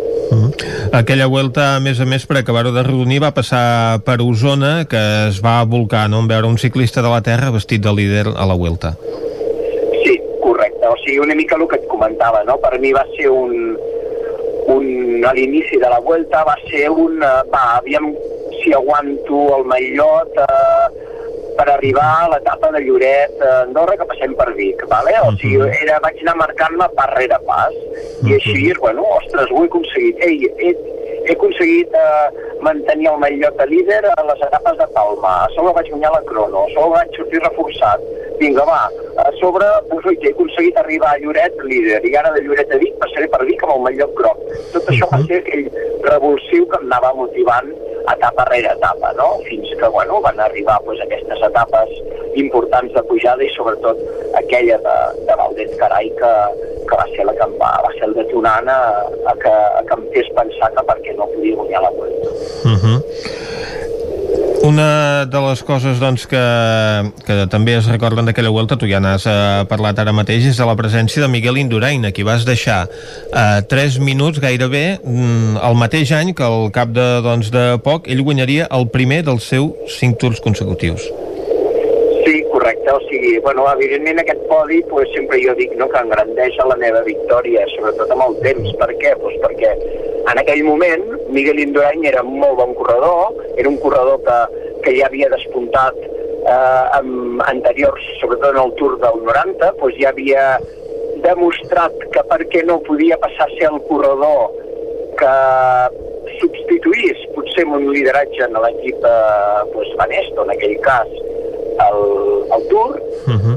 però a la Vuelta a Espanya, que era una època anterior, on ell encara potser no estava en aquell estat de forma tan bo com estava en el Tour, doncs, eh, bueno, em vaig trobar jo pues, que vaig poder-el guanyar. Aleshores, ell aquell mateix any pues, va guanyar pues, el seu primer Tour de França de 5 que llavors va guanyar consecutivament. Uh -huh. Marino Lejarreta sí que era un corredor que ja era consagrat i havia uh -huh. fet pues, bueno, molt bons resultats eh, i que per tant ja, ja era un corredor pues, que, que en aquell moment precís pues, ja donava notorietat en aquell podi. No? Però sí que amb el temps aquell podi ha agafat més rellevància per mi perquè la figura de Miguel Indurain a partir d'aquell eh, 91, quan va guanyar el seu primer tour, doncs cada cop li va donar molta més importància i més valor a aquella primera victòria. I, I un fet que dona valor també a aquell triomf és que la Vuelta a Espanya la va guanyar Josep Passarrodona l'any 76, tu l'any 91, i no hi ha cap més català que l'hagi guanyat. Sí, és cert que eh, guanyar una Vuelta Ciclista a Espanya és, és, costa, és, és molt complicat no és gens uh mhm. -huh. fàcil, hem tingut corredors catalans, el, el Purito, el Joaquim uh mhm. -huh. Rodríguez, ha sigut un corredor que ha estat a punt, que penso que, que tenia la capacitat per guanyar-lo, uh mhm. -huh. però bueno, sempre pot passar una etapa o una altra que, que tens un dia dolent i se te'n va tot en orris, no? Per tant, eh, no és fàcil. Mira, jo vaig tenir un altre any que vaig fer quart, uh -huh. vaig estar a punt de pujar al podi, eh, un altre que vaig fer vuitè, o sigui, he fet bons resultats en grans voltes, no? Uh -huh. El sisem un Tour de França, o sigui que està un top fent amb una gran volta, volta, sigui Giro, sigui Volta a Espanya o Tour, és brutal, no? És, és, uh -huh. és, és, és molt important. Uh, guanyar-la i és la pera, no? guanyar-la, per tant, bueno, vaig tenir, sí, sí. evidentment, la gran sort de que tot se'm va posar de cara, de que no vaig tenir cap eh, eh, cosa en contra pues, que m'ho compliqués i vaig saber aguantar pues, tota aquesta pressió que vulguis o no té un, un líder no? quan afronta un repte així. Mm -hmm. I en Miguel Indurain ja ha sigut mantenint contacte i de fet l'any passat va córrer a l'equip que dirigeixes a la Titan Desert, una prova que per cert s'hauria d'estar fent aquests dies i que finalment doncs, per, les, per motius sanitaris doncs, s'ha doncs, ajornat a l'octubre. Sí, amb Miguel Indurain hem tingut, eh, hem seguit mantenint molt bon contacte.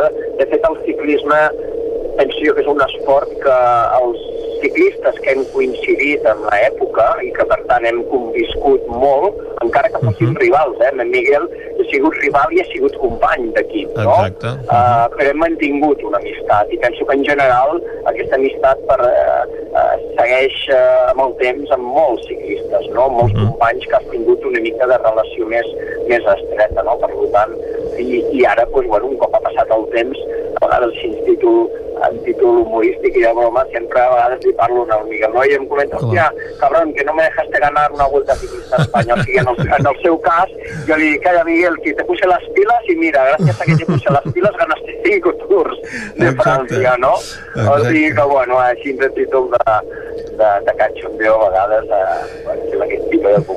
Mm -hmm. I el Giro també que el va guanyar, però queda en el seu palmarès doncs, no haver pogut aconseguir mai una, una vuelta a Espanya perquè Malció Mauri es va interposar al camí del pentacampió navarrès. Malció, moltes gràcies per acompanyar-nos avui i recordar doncs, aquell triomf de la Vuelta del 1991. Moltes gràcies a vosaltres. Fins una altra. Amb el Xio Mauri hem conversat avui, l'ex-ciclista vinculat encara al món del ciclisme des de Sant Antoni de Calonja, on resideix ara i on du a terme diferents activitats vinculades a aquest esport. Ara nosaltres al Territori 17 fem l'última pausa d'avui i continuem d'aquí un moment.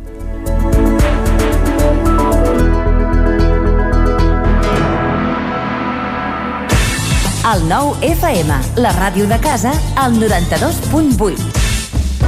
Impremta Mater, el servei de particulars i empreses. Fem catàlegs, llibres, papereria corporativa, targetes, fulletons i també venem material d'oficina i escriptori, bolígrafs, arxivadors, grapadores, llibretes i molt més. Mater Impressors des de 1957. Impremta Mater. Ens trobaràs a la carretera de Sant Hipòlit, número 23 de Vic i a la impremtamater.com. Can Xalant Moda i Complements. Nova temporada primavera-estiu. Moda home-dona, nen-nena, sabates, bosses de mà, maletes, complements i molt més. Vine a veure, ens trobaràs una secció d'ofertes amb roba de la temporada passada a 10 euros i 19 euros. Vine a Can Xalant, ens trobaràs al carrer Sant Tomàs número 6 de Call d'Atenes. També a Instagram i Facebook. A Corretja tenim tot el que necessites per la teva llar. Tot tipus de paviments i revestiments, sistemes d'aïllament, cobertes, parquets, aixetes, ferreteria, pintures, fixació i cargoleria, vestuari i material de seguretat. Disposem de més de 3.500 metres quadrats d'exposició amb una nova zona exterior d'aïllaments. A Corretja som especialistes en cuines i banys. Us assessorem, dissenyem i realitzem el projecte des de l'inici fins a la fi del muntatge. 100% cuines, 100% banys. Al carrer Mas Vigues 8 de Vic, a corretja-sl.com o a Instagram. 100% materials per la construcció i la decoració. 100% corretja. Hi ha sensacions que són úniques. Aquell bany relaxant, mirar per la finestra quan plou i com les calderes Bailand, que li ofereixen fins a 15 anys de cobertura total amb el servei tècnic oficial Bailand. Informis a Oficiat Nord trucant al 93 886 0040. Amb el servei tècnic oficial de Bailand, la seva caldera estarà en les millors mans. A Mobles Verdolet liquidem l'exposició. Vine a veure'ns i renova casa teva.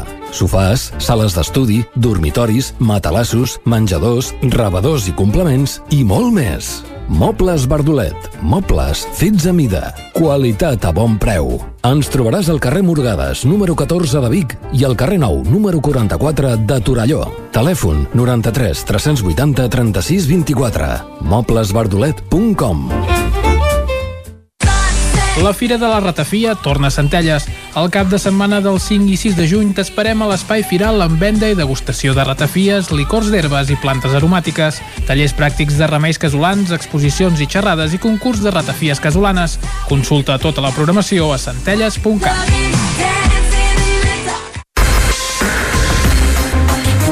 El nou FM, la ràdio de casa, al 92.8.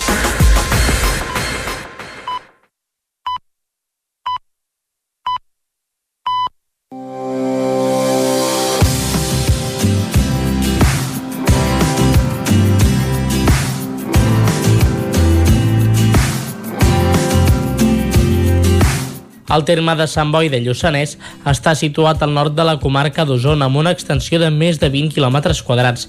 Queda força ben delimitat per carenes muntanyoses formant gairebé una vall. De nord a llevant per la serralada dels Munts, el Puig Cornador i la Serra de Sant Salvador, de ponent a migdia per Vilarrassa fins a Cornet i a la part de migdia per la serralada de Sobremunt. El nucli urbà queda situat a la falda dels Munts i en un suau desnivell vers el fons de la vall per on transcorre la serra del Sorreig, poc cabalosa, ja que neix poc abans d'entrar en el terme. Molt abundants són les fonts d'aigües un xic calcàries, fresques i de bon gust al paladar. A pocs metres del nucli urbà podem trobar-hi la font de la Presa, la dels Plàtans, la Talaia i la que més adeptes té és la font de la Prada, tant per la qualitat i frescor de l'aigua com per l'encisador entorn on es troba ubicada, envoltada de prats verds i espessa vegetació. Les aigües potables d'extraordinària qualitat de les que s'abasteix la població provenen d'un pou situat prop de la font de la Talaia i altres a pocs metres del Sorreig. També cal destacar-hi algunes caseries, com Gallifa al nord, Vilarrassa al sud i Viladecans a l'oest, i dues importants pairalies, el Villar de Sant Boi i Sant Salvador de Bellver o d'Orís. Els boscos de la zona estan formats pel pi roig, pinassa i el conegut roure martinenc. El roure de la senyora, arbre monumental protegit, es troba a prop del Vilar. És un roure centenari de grans proporcions i molt visitat. És terra de bolets, caça i bona cuina. L'agricultura, la silvicultura, la indústria i el comerç formen l'economia local.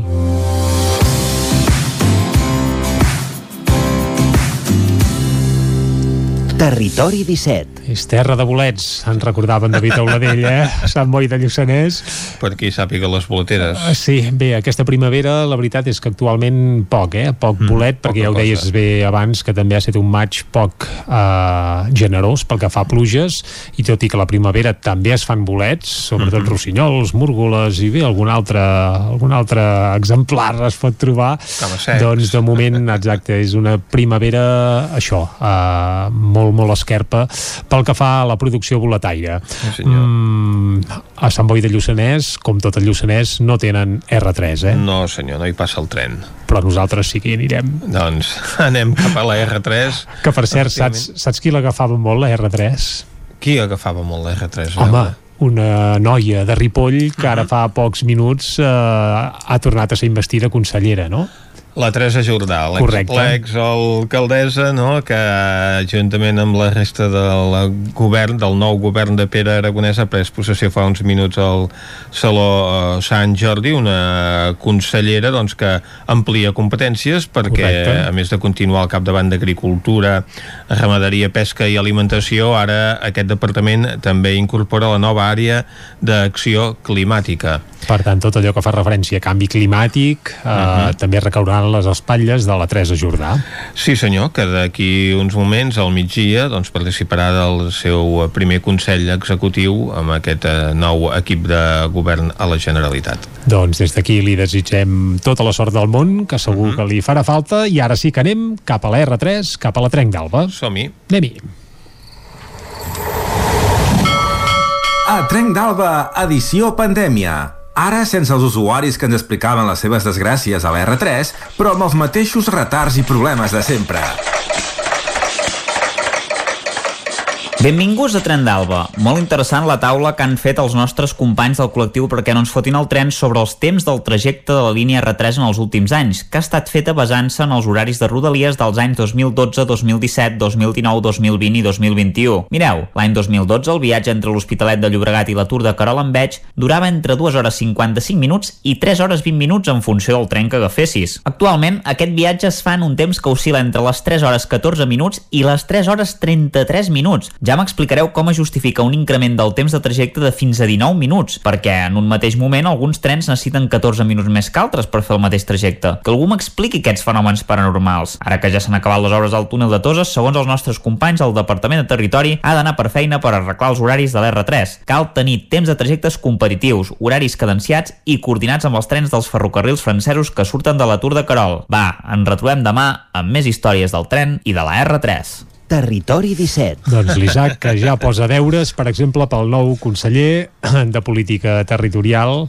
Uh, Jordi Puigneró. Correcte, Jordi Puigneró, que ara també s'encarregarà, per exemple, o no, ja veurem si se'n surt, de, de millorar el tema de la R3, si més no pel que fa a horaris, que recordem que això és una competència que en teoria és de la Generalitat, de la Generalitat oi? Mm -hmm, efectivament. Sí, la via no, però, però escolta, els horaris, els horaris sí. sí. De tota manera, els horaris també venen condicionats a l'estat de la via i un dels motius que fa que el, el recorregut s'hagi allargat en temps és que s'ha de circular amb precaució pel eh, túnel de Toses mm, això doncs, es va aplicar arran del despreniment que ha provocat aquestes obres que hi ha hagut doncs, aquests últims mesos i que han deixat doncs, el túnel inutilitzat però mentrestant, com que s'ha remogut tota la via per poder fer aquesta instal·lació nova del túnel, doncs per als trens eh, se'ls obliga a circular encara amb precaució. Abans no quedi estabilitzada la via veurem si en les properes setmanes es restableixen els horaris que hi havia abans d'aquell accident del juliol de 2019. Doncs esperem-ho. El que no arriba amb retard és el repàs als actes culturals que ens esperen per aquest proper cap de setmana. Ens hi capbussem, va. I aquest repàs a l'agenda cultural d'aquest proper cap de setmana, avui el començarem a Osona, oi, Vicenç? Doncs sí, perquè tenim a punt en Jordi Vilarrodà perquè ens faci un resum de les activitats d'aquest cap de setmana que vindran molt centrades per la celebració del Festival Festus a Torelló, Jordi. I unes quantes coses més. el Festus i molt més. Mm -hmm. però el Festus... Bé, que caliu. Sí, el Festus és uh, potser la més rellevant de les activitats que tindrà lloc aquest cap de setmana. Mm -hmm que de fet de, vol dir doncs, tot el cap de setmana entre dijous que hi ha algun primer espectacle o primera proposta fins al mateix diumenge. Eh, és una edició del Festus que canvia de dates perquè si, si recordeu, doncs el Festus era uh -huh. uh, habitual en la primera setmana de juliol. Uh, L'any passat ja s'havia decidit canviar-lo de data perquè coincidia molt amb altres festivals. Es uh, solia coincidir amb el Vida Festival de Vilanova, amb el Cruïlla i amb algun altre, i uh -huh. vam veure que aquella setmana no era gaire bona. Es havia decidit portar-lo al mes de maig però l'any passat va passar el que va passar, que no cal que expliquem, i uh. -huh. es va poder fer, al final es va fer doncs l'última setmana de setembre, que era gairebé de, de tardor, i uh -huh. fins i tot els deixebles de Sant Feliu van fer la broma allà de fer de coure castanyes allà, perquè semblava el festus de la castanyada, sí, i, i ara aquest any sí que se'n va unes dates que en principi ja seran les definitives aquestes, uh -huh. o les dels propers anys al Festus.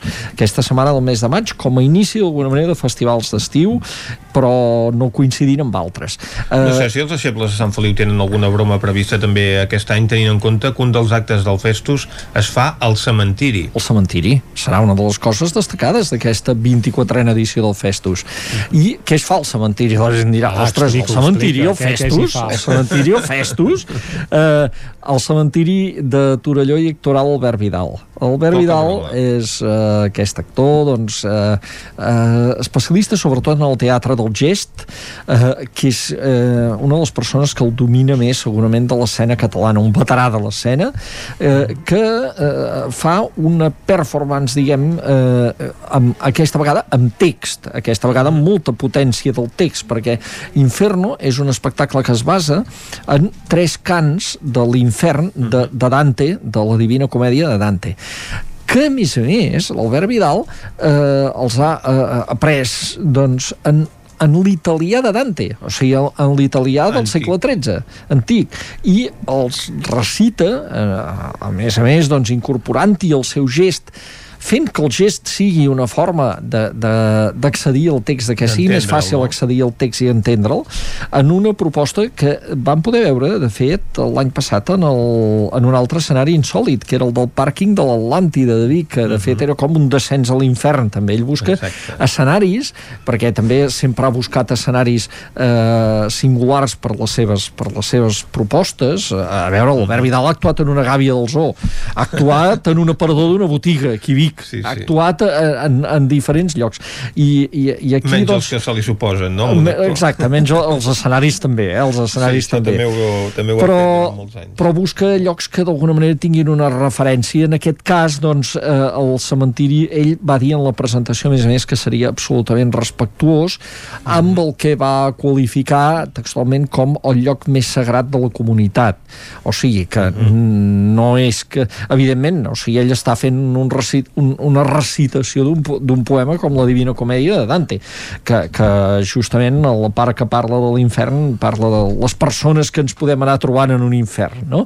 Eh, eh, serà una proposta de les més interessants que es podran veure en el Festus, eh, eh, juntament amb moltes altres, eh, perquè estem parlant de 22 propostes de 20 companyies i d'artistes diferents, eh, en total 27 representacions, perquè d'algunes se'n fa més d'una sessió, i repartides en molts escenaris, en més escenaris dels que ja habitualment ocupa, eh, de fet són una dotzena d'escenaris en diferents llocs de, de Torelló. Uh, només un uh, tancat, diguem, en, el- en, el, en el Sirviano. Amb els altres, tots a l'aire lliure, tots gratuïts, però havent de fer inscripció prèvia perquè a vegades són aforaments limitats. I dintre de les propostes, el Festus és d'aquells festivals en què un pot dir ai, ai, ai, és que no en conec, no, no, No conec, conec cap." no conec cap, però de- d'això es tracta, d'anar a conèixer, Mhm. eh? Uh, a part d'aquestes performances del, del Albert Vidal, que sí que és molt conegut, hi ha uh, moltes propostes de, de, de, diferents, de diferents àmbits. Uh, en destacarem, per, per dir-ne alguna, eh, és que per dir-ne alguna de les, de les nostres, per exemple, destaquem una d'usonenca, que és els Junco i Mimbere presentant el seu últim treball, eh, o de fet el primer treball, el treball de debut d'aquest grup musical usonenc, que serà doncs, el diumenge al Jardins Vicenç Pujol, en la Cluenda. Eh, però, a més a més, doncs, hi ha propostes, com us deia, doncs, de circ, de teatre, de dansa, eh, per anar descobrint. Us convidem a mirar el programa del Festus i fer-hi un cop d'ull i decidir veure per on us voleu moure dintre d'aquest festival que a més a més inclou instal·lacions artístiques fetes per l'Escola d'Art de Torelló, l'Escola d'Arts Plàstiques de Torelló, que en diferents llocs del, del, del municipi fa, eh, a més a més, unes instal·lacions, unes creacions artístiques. Propostes del Festus. Va, escoltem una mica els Junco i Mimbre, per si algú s'hi atansa, que sàpiga de quin peu calcen, perquè amb el nom despisten, eh? però és un grup així de pop indie alternatiu molt interessant, liderat per la Maria Espinosa, que més canta com els àngels. No és de flamenc. No.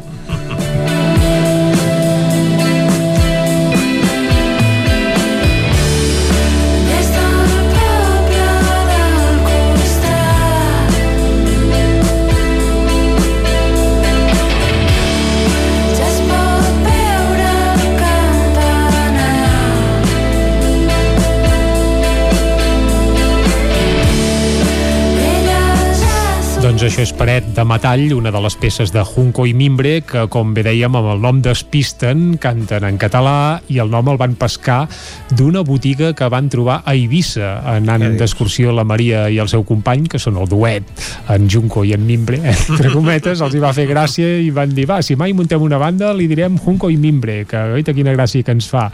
I el que va començar com una cunyeta, doncs resulta que, que, va, que va arribant a bon port. Sí.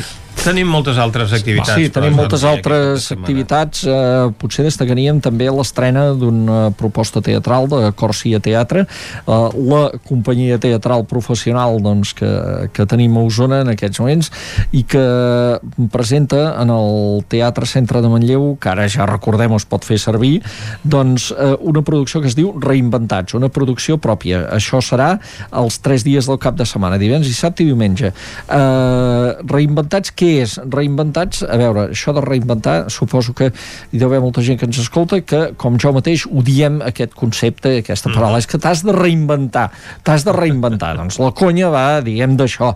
Eh, hi ha tres personatges interpretats per en Xavi Boada, veterà de l'escena osonenca, Jordi Arqués i Laura Domènech, que interpreten els papers d'uns actors que s'han de reinventar, o sigui, s'han de reciclar en la seva vida per pura supervivència, o sigui, no perquè els, el coach de torn diu que t'has de reinventar i sortir de la zona de confort, sinó la gent es reinventa, la gent bàsicament es busca la vida, diguem.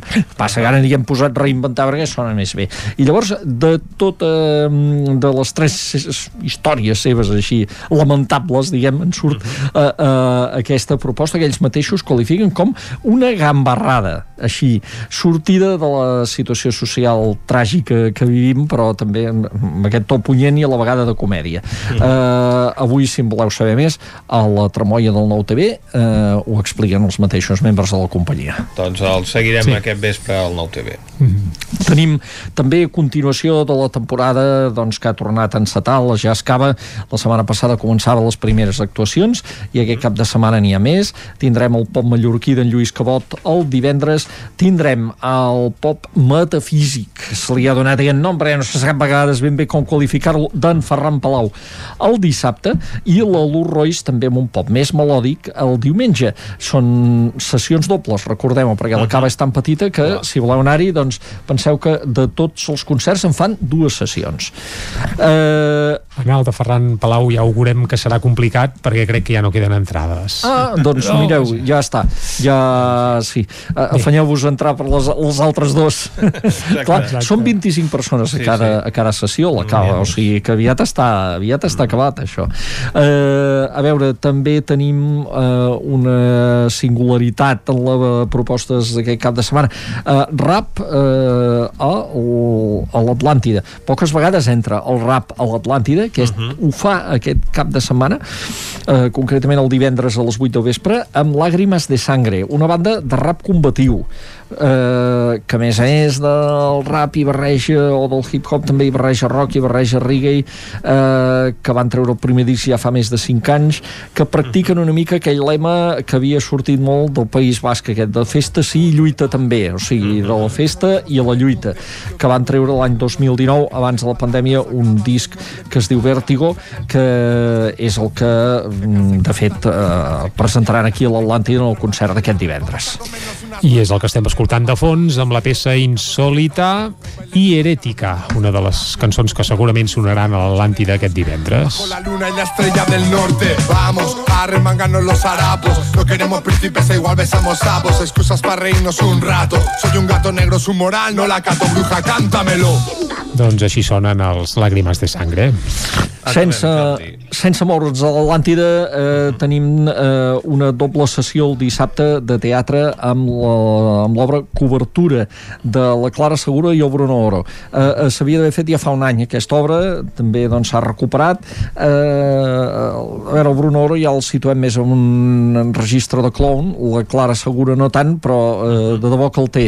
El té i el té molt. De fet havien fet una cosa per, per TV3 eh, que es deia Vinagre que ja era, mostrava doncs aquesta vis còmica seva. I ho fa en aquesta producció que de fet l'ha dirigida la mateixa Clara Segura que es podrà veure com dèiem dissabte en dues sessions i que eh, és, és un argument que, que parla d'un director de cinema que només ha fet una, una pel·lícula important que ara està en decadència i que en canvi l'actriu que era la protagonista d'aquesta pel·lícula està en el zènit i que s'ha projectat gràcies a les xarxes socials. Aquí ve una mica això de cobertura. Però bàsicament l'argument és una excusa per fer un desplegament de gags de, de, de, de, de, de eh, capacitat eh, eh, teatral de tots dos de química entre tots dos a més a més i de riure molt que això és una cosa que ens convé i per tant eh, una bona proposta també per aquest cap de setmana. I si voleu riure també però també en fi eh, eh, eh, amb, un, amb un teatre, en aquest cas més del, més del gest en, eh, eh, es pot veure el clown Peter Shop que va ser a l'Atlàntia la setmana passada i que de fet aquesta setmana serà uh -huh. divendres a la Canal, o sigui que està com de gira per aquí aquest còmic d'origen nord-americà afincat a Alemanya que està presentant aquestes propostes. Ens n'anem ara fins a Castellterçol, perquè al centre de Castellterçol, uh -huh. eh, no sé si s'ha comentat ja, doncs que hi ha programació. Uh -huh. eh, no sé si els companys del Vallès ho han comentat ja. Ho deixarem en mans a la Caral. Ho deixarem en mans a la Caral, doncs, uh -huh. eh, que tenim el començament de temporada també, ara eh, tot es va recuperant. I acaba uh -huh. aquest diumenge el Festival Música a la Gespa que s'ha fet als Jardins del Castell de Montesquieu, amb una darrera actuació que serà la de l'Alba Carmona en aquest format de concerts vermut amb la seva proposta uh -huh. Canciones de Folklore que justament fa pocs dies la va presentar en el Festival Encanta de Roda, Roda de Ter uh -huh. i encara una última proposta eh, també acabant ja la temporada a Ceba el, a la sala polivalent el McLari Mm, de gira permanent eh, en dues sessions eh, el diumenge a la tarda dues sessions de màgia per anar a gaudir amb la seva proposta. I, I el diumenge següent que el trobarem a Centelles. Ah, exacte, ja ho deia, està de gira permanent el Maglari moltes uh, gràcies eh, Jordi, nosaltres anem ara cap a Ràdio Cardedeu amb l'Òscar Muñoz. Òscar, bon dia Bon dia. Explica'ns quines activitats eh, trobem per aquests propers dies. Doncs comencem a Cardedeu aquest cap de setmana. Tenim el Festival Labyrinth Catalunya, on dissabte comença amb la presentació del nou disc de l'Efren López i el Cristos Barbas, anomenat Atlas. Aquests dos músics tornen a connectar amb potència i senzillesa del so del duet acústic que culmina aquests 17 anys de música i amistat compartides. Això serà a les 8 del vespre amb l'entrada des de 10 euros i on les podem adquirir doncs, a la taquilla o a la pàgina web del Teatre Auditori de Cardedeu, on també podrem trobar l'espectacle de diumenge, aquesta nit de ragues, a les 6 de la tarda, els ragues, aquestes atmosferes melòdiques de la música clàssica de l'Índia del Nord, i doncs això ens faran una petita demostració sobre aquestes eh, aquestes músiques espirituals podem dir que, doncs, que eh, parlant de parlen dels moviments de, del dia i de la nit, dels cicles naturals i de les emocions. També les podem trobar des de 10 euros a les taquilles i a la pàgina web. Uh -huh. Ara ens anem a Granollers, on divendres a la Roca Humbert a les 8 del vespre tenim l'espectacle d'humor MDR, Mort de riure. I això és una obra de, de teatre on uns pallassos eh, han condemnat els seus companys a la pena capital per aturar la propagació d'un virus letal que és el riure. Uh -huh. eh, D'aquest espectacle no comentem molt, molt més, ja que està en llista d'espera. Eh, si algú està es dona de baixa uh -huh. o algú no pot, doncs llista d'espera. Uh -huh. I per la nit, a dos quarts de nou, a la plaça de l'Església, hi haurà un concert amb l'Adrian Broadway. Aquesta proposta ha sigut escoltada en, en alguns dels festivals de música més reconeguts de l'Estat i doncs que ja tindrem a Granollers a la plaça de l'Església amb entrada reduïda, però això també s'ha d'apuntar una llista perquè hi ha aforament reduït. Molt bé. I dissabte acabem dissabte, hi ha un doble concert a les 6 i a les 8 amb el Marcel i la Júlia, l'excantant i compositor de Charango i la seva companya de viatge, junt amb la banda, ens presentaran el seu nou disc en òrbita, també amb llista d'espera. Uh, serà un, de, un dels discos d'aquest estiu, no hi ha dubte. Exacte. Doncs moltes gràcies, Òscar. A vosaltres. Ara nosaltres anem cap a una codinenca perquè la Caral Campàs ens faci 5 cèntims el que podrem veure al centre de Castellterçol, Caral. Exacte. doncs, doncs sí, com bé comentava en Jordi, el centre doncs, reprograma ja i torna a engegar uh, la programació i aquest dissabte a les 9 del vespre uh, ens porten Piano Solo de Marco Mezquida. Uh -huh. uh, aquesta actuació musical es pot veure per un preu uh, de 12 euros i mig i es poden adquirir les entrades a, al web de, del centre, una programació que, que es reactiva ara i que continuarà els pròxims caps de setmana i també us l'anirem actualitzant a l'agenda cultural. I no deixo el Moianès eh, perquè tenim teatre eh, a Castellcí, en aquest cas el, hi ha la present, el musical Bruna, un musical de Mateu Pere Miquel i Marc Puig. Això serà aquest diumenge a les 7 de la tarda al local, al local de Castellcí. Les entrades tenen un preu de 3 euros i es poden aconseguir contactant amb l'Ajuntament de, de Castellcí. I ja deixo el Moianès i me'n vaig cap a Vigues, també us parlaré de Caldes i de Sant Feliu, i us porto doncs, música i teatre. Val? Uh, ràpidament, uh -huh. aquest uh, diumenge uh, acaba el Festival de Música Clàssica de Vigues i Riells, que ha anat portant doncs, actuacions tots els diumenges d'aquest mes de, de maig, i uh, en aquest cas ens porten el naixement del Forte Piano, uh, una actuació uh, que es durà a terme al Teatre Auditori Polivalent uh, aquest diumenge a dos quarts d'una del migdia a càrrec dels músics Isabel Fèlix i Joan Bosch i de l'actor uh, Ferran de Besa. L'entrada té un preu de, de 3 euros i cal també inscripció prèvia i bé, adquirir l'entrada a través de, del web de l'Ajuntament de Vigues.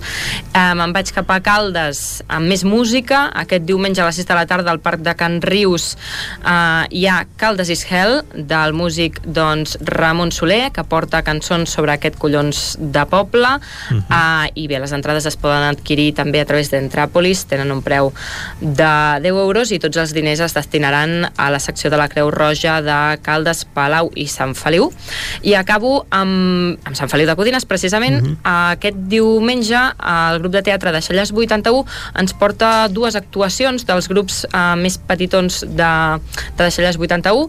El, la secció infantil uh, porta la Trapa Somnis, uh, que serà a les 12 del migdia, aquest uh, diumenge al Casal Cultural Codinenc. Les entrades et, es poden adquirir a través d'entrapolis.com i també aquest diumenge, però a la tarda, dos quarts de set, 17, també al Casal Cultural Codinenc, la secció jove porta l'obra a Mareig. Mm -hmm. Molt bé, moltes gràcies, eh, doncs, eh, Caralt, i anem ara a la veu de Sant Joan amb l'Isaac Muntades. Hola, bon dia. Bon dia, Isaac. Bon dia, bon dia. Doncs, si us sembla, mira, Sí, comencem per un acte que es farà demà, com és la celebració de la festa del 27 de maig a Ripoll, que tindrà lloc a la plaça de l'Ajuntament, això serà a les 6 de la tarda, en què tindrem una audició de sardanes de la Copla Ciutat de Girona i a la mitja part doncs, hi haurà la glossa de la Diada i ofrena eh, floral a l'estàtua del 27 de maig i també hi haurà una galejada a càrrec de la colla de trabucaires i pedrenyalers de la vila. I l'acte, bé, com sabeu doncs, amb tot el tema de la normativa del Covid el públic haurà d'estar de, assegut i amb totes les mesures de seguretat i, i mantenir doncs, distàncies excepte en el cas de les bombolles familiars. Uh, recordem que aquesta celebració per qui no ho sàpiga doncs, commemora el setge que va viure Ripoll durant l'any 1839 enmig de la, de la Guerra Carlina. Un setge que va durar del 22 al 27 de maig i que va acabar doncs, amb el monestir incendiat alguna de les vegades que s'ha incendiat no ha estat pas l'única i, i la vila destrossada. Uh, això seria una activitat. Uh, després tenim aquest dissabte a dos quarts de vuit del vespre uh, una, una cosa bastant potent perquè el Teatre Comtal de Ripoll acollirà l'obra de teatre Els Bruguerol uh -huh. que està escrita i protagonitzada per Ramon Madaula i amb la direcció també de Mònica Bufill i a més a més de Ramon Madaula també actua el seu fill Jaume Madaula i Estel Soler. I la història va de que a Cals Bruguerol, que és una família de l'alta burgesia catalana, doncs la filla, que és l'Anna, eh, es tracta d'una activista social que és feminista també, i decideix canviar-se el primer cognom, el de Bruguerol, per el de la mare. I evidentment doncs, pel pare, l'Antoni Bruguerol això és inconcebible perquè doncs, que la seva filla no reconegui un dels cognoms més importants de, de la comarca doncs, per evitar que això passi doncs, recorrerà tota mena d'argúcies i, i xantatges perquè, perquè l'Anna es faci enrere i és una comèdia familiar amb grans dosis uh, d'humor àcid intel·ligent uh, que doncs, enfronta cara a cara les contradiccions de, dels seus protagonistes les entrades he de dir-vos que ja estan exaurides per tant qui no les hagi comprat comprat no hi podrà anar-hi. Mm -hmm. I per acabar, aquest dissabte es tanca el Festival Microclima de Música de Camprodon, que acabarà davant del Monestir de Sant Pere a les 7 de la tarda, l'entrada és gratuïta i cal reserva prèvia, i hi haurà Sara Montfort, que és la, la cantant valenciana, membre del grup Marala, que és una de les grans revelacions musicals de, dels darrers mesos, però ara ha publicat el seu primer disc amb temes propis. Sandra, Sandra, eh? Sandra, Mo sí, Sandra Montfort, perdó. Sara, Sandra, Sandra, Sí, és que sí, el recomano Sandra molt aquest seu primer disc perquè és espectacular. Sí, sí. Exacte, barreja electrònica i poesia. Correcte, Niño Reptil Ángel és el títol d'un primer disc on canta en castellà, gallec i també en català. En prenem nota, doncs, aquesta última proposta del Festival Microclima. Moltes gràcies, Isaac. Tanquem aquest recorregut a l'activitat cultural del cap de setmana. I tanquem també el programa d'avui, un programa que hem fet... Clàudia Dinarès, Isaac Muntades, David Auladell, Caral Campàs, Pepa Costa, Jordi Givert, Jordi Vilarrodà, Guillem Freixa, Maria López, Òscar Muñoz, Jordi Sunyer i Vicenç Vigues. Nosaltres tornarem demà, com sempre, i serem des de les 9 i fins a les 12 del migdia. Adeu. Siau.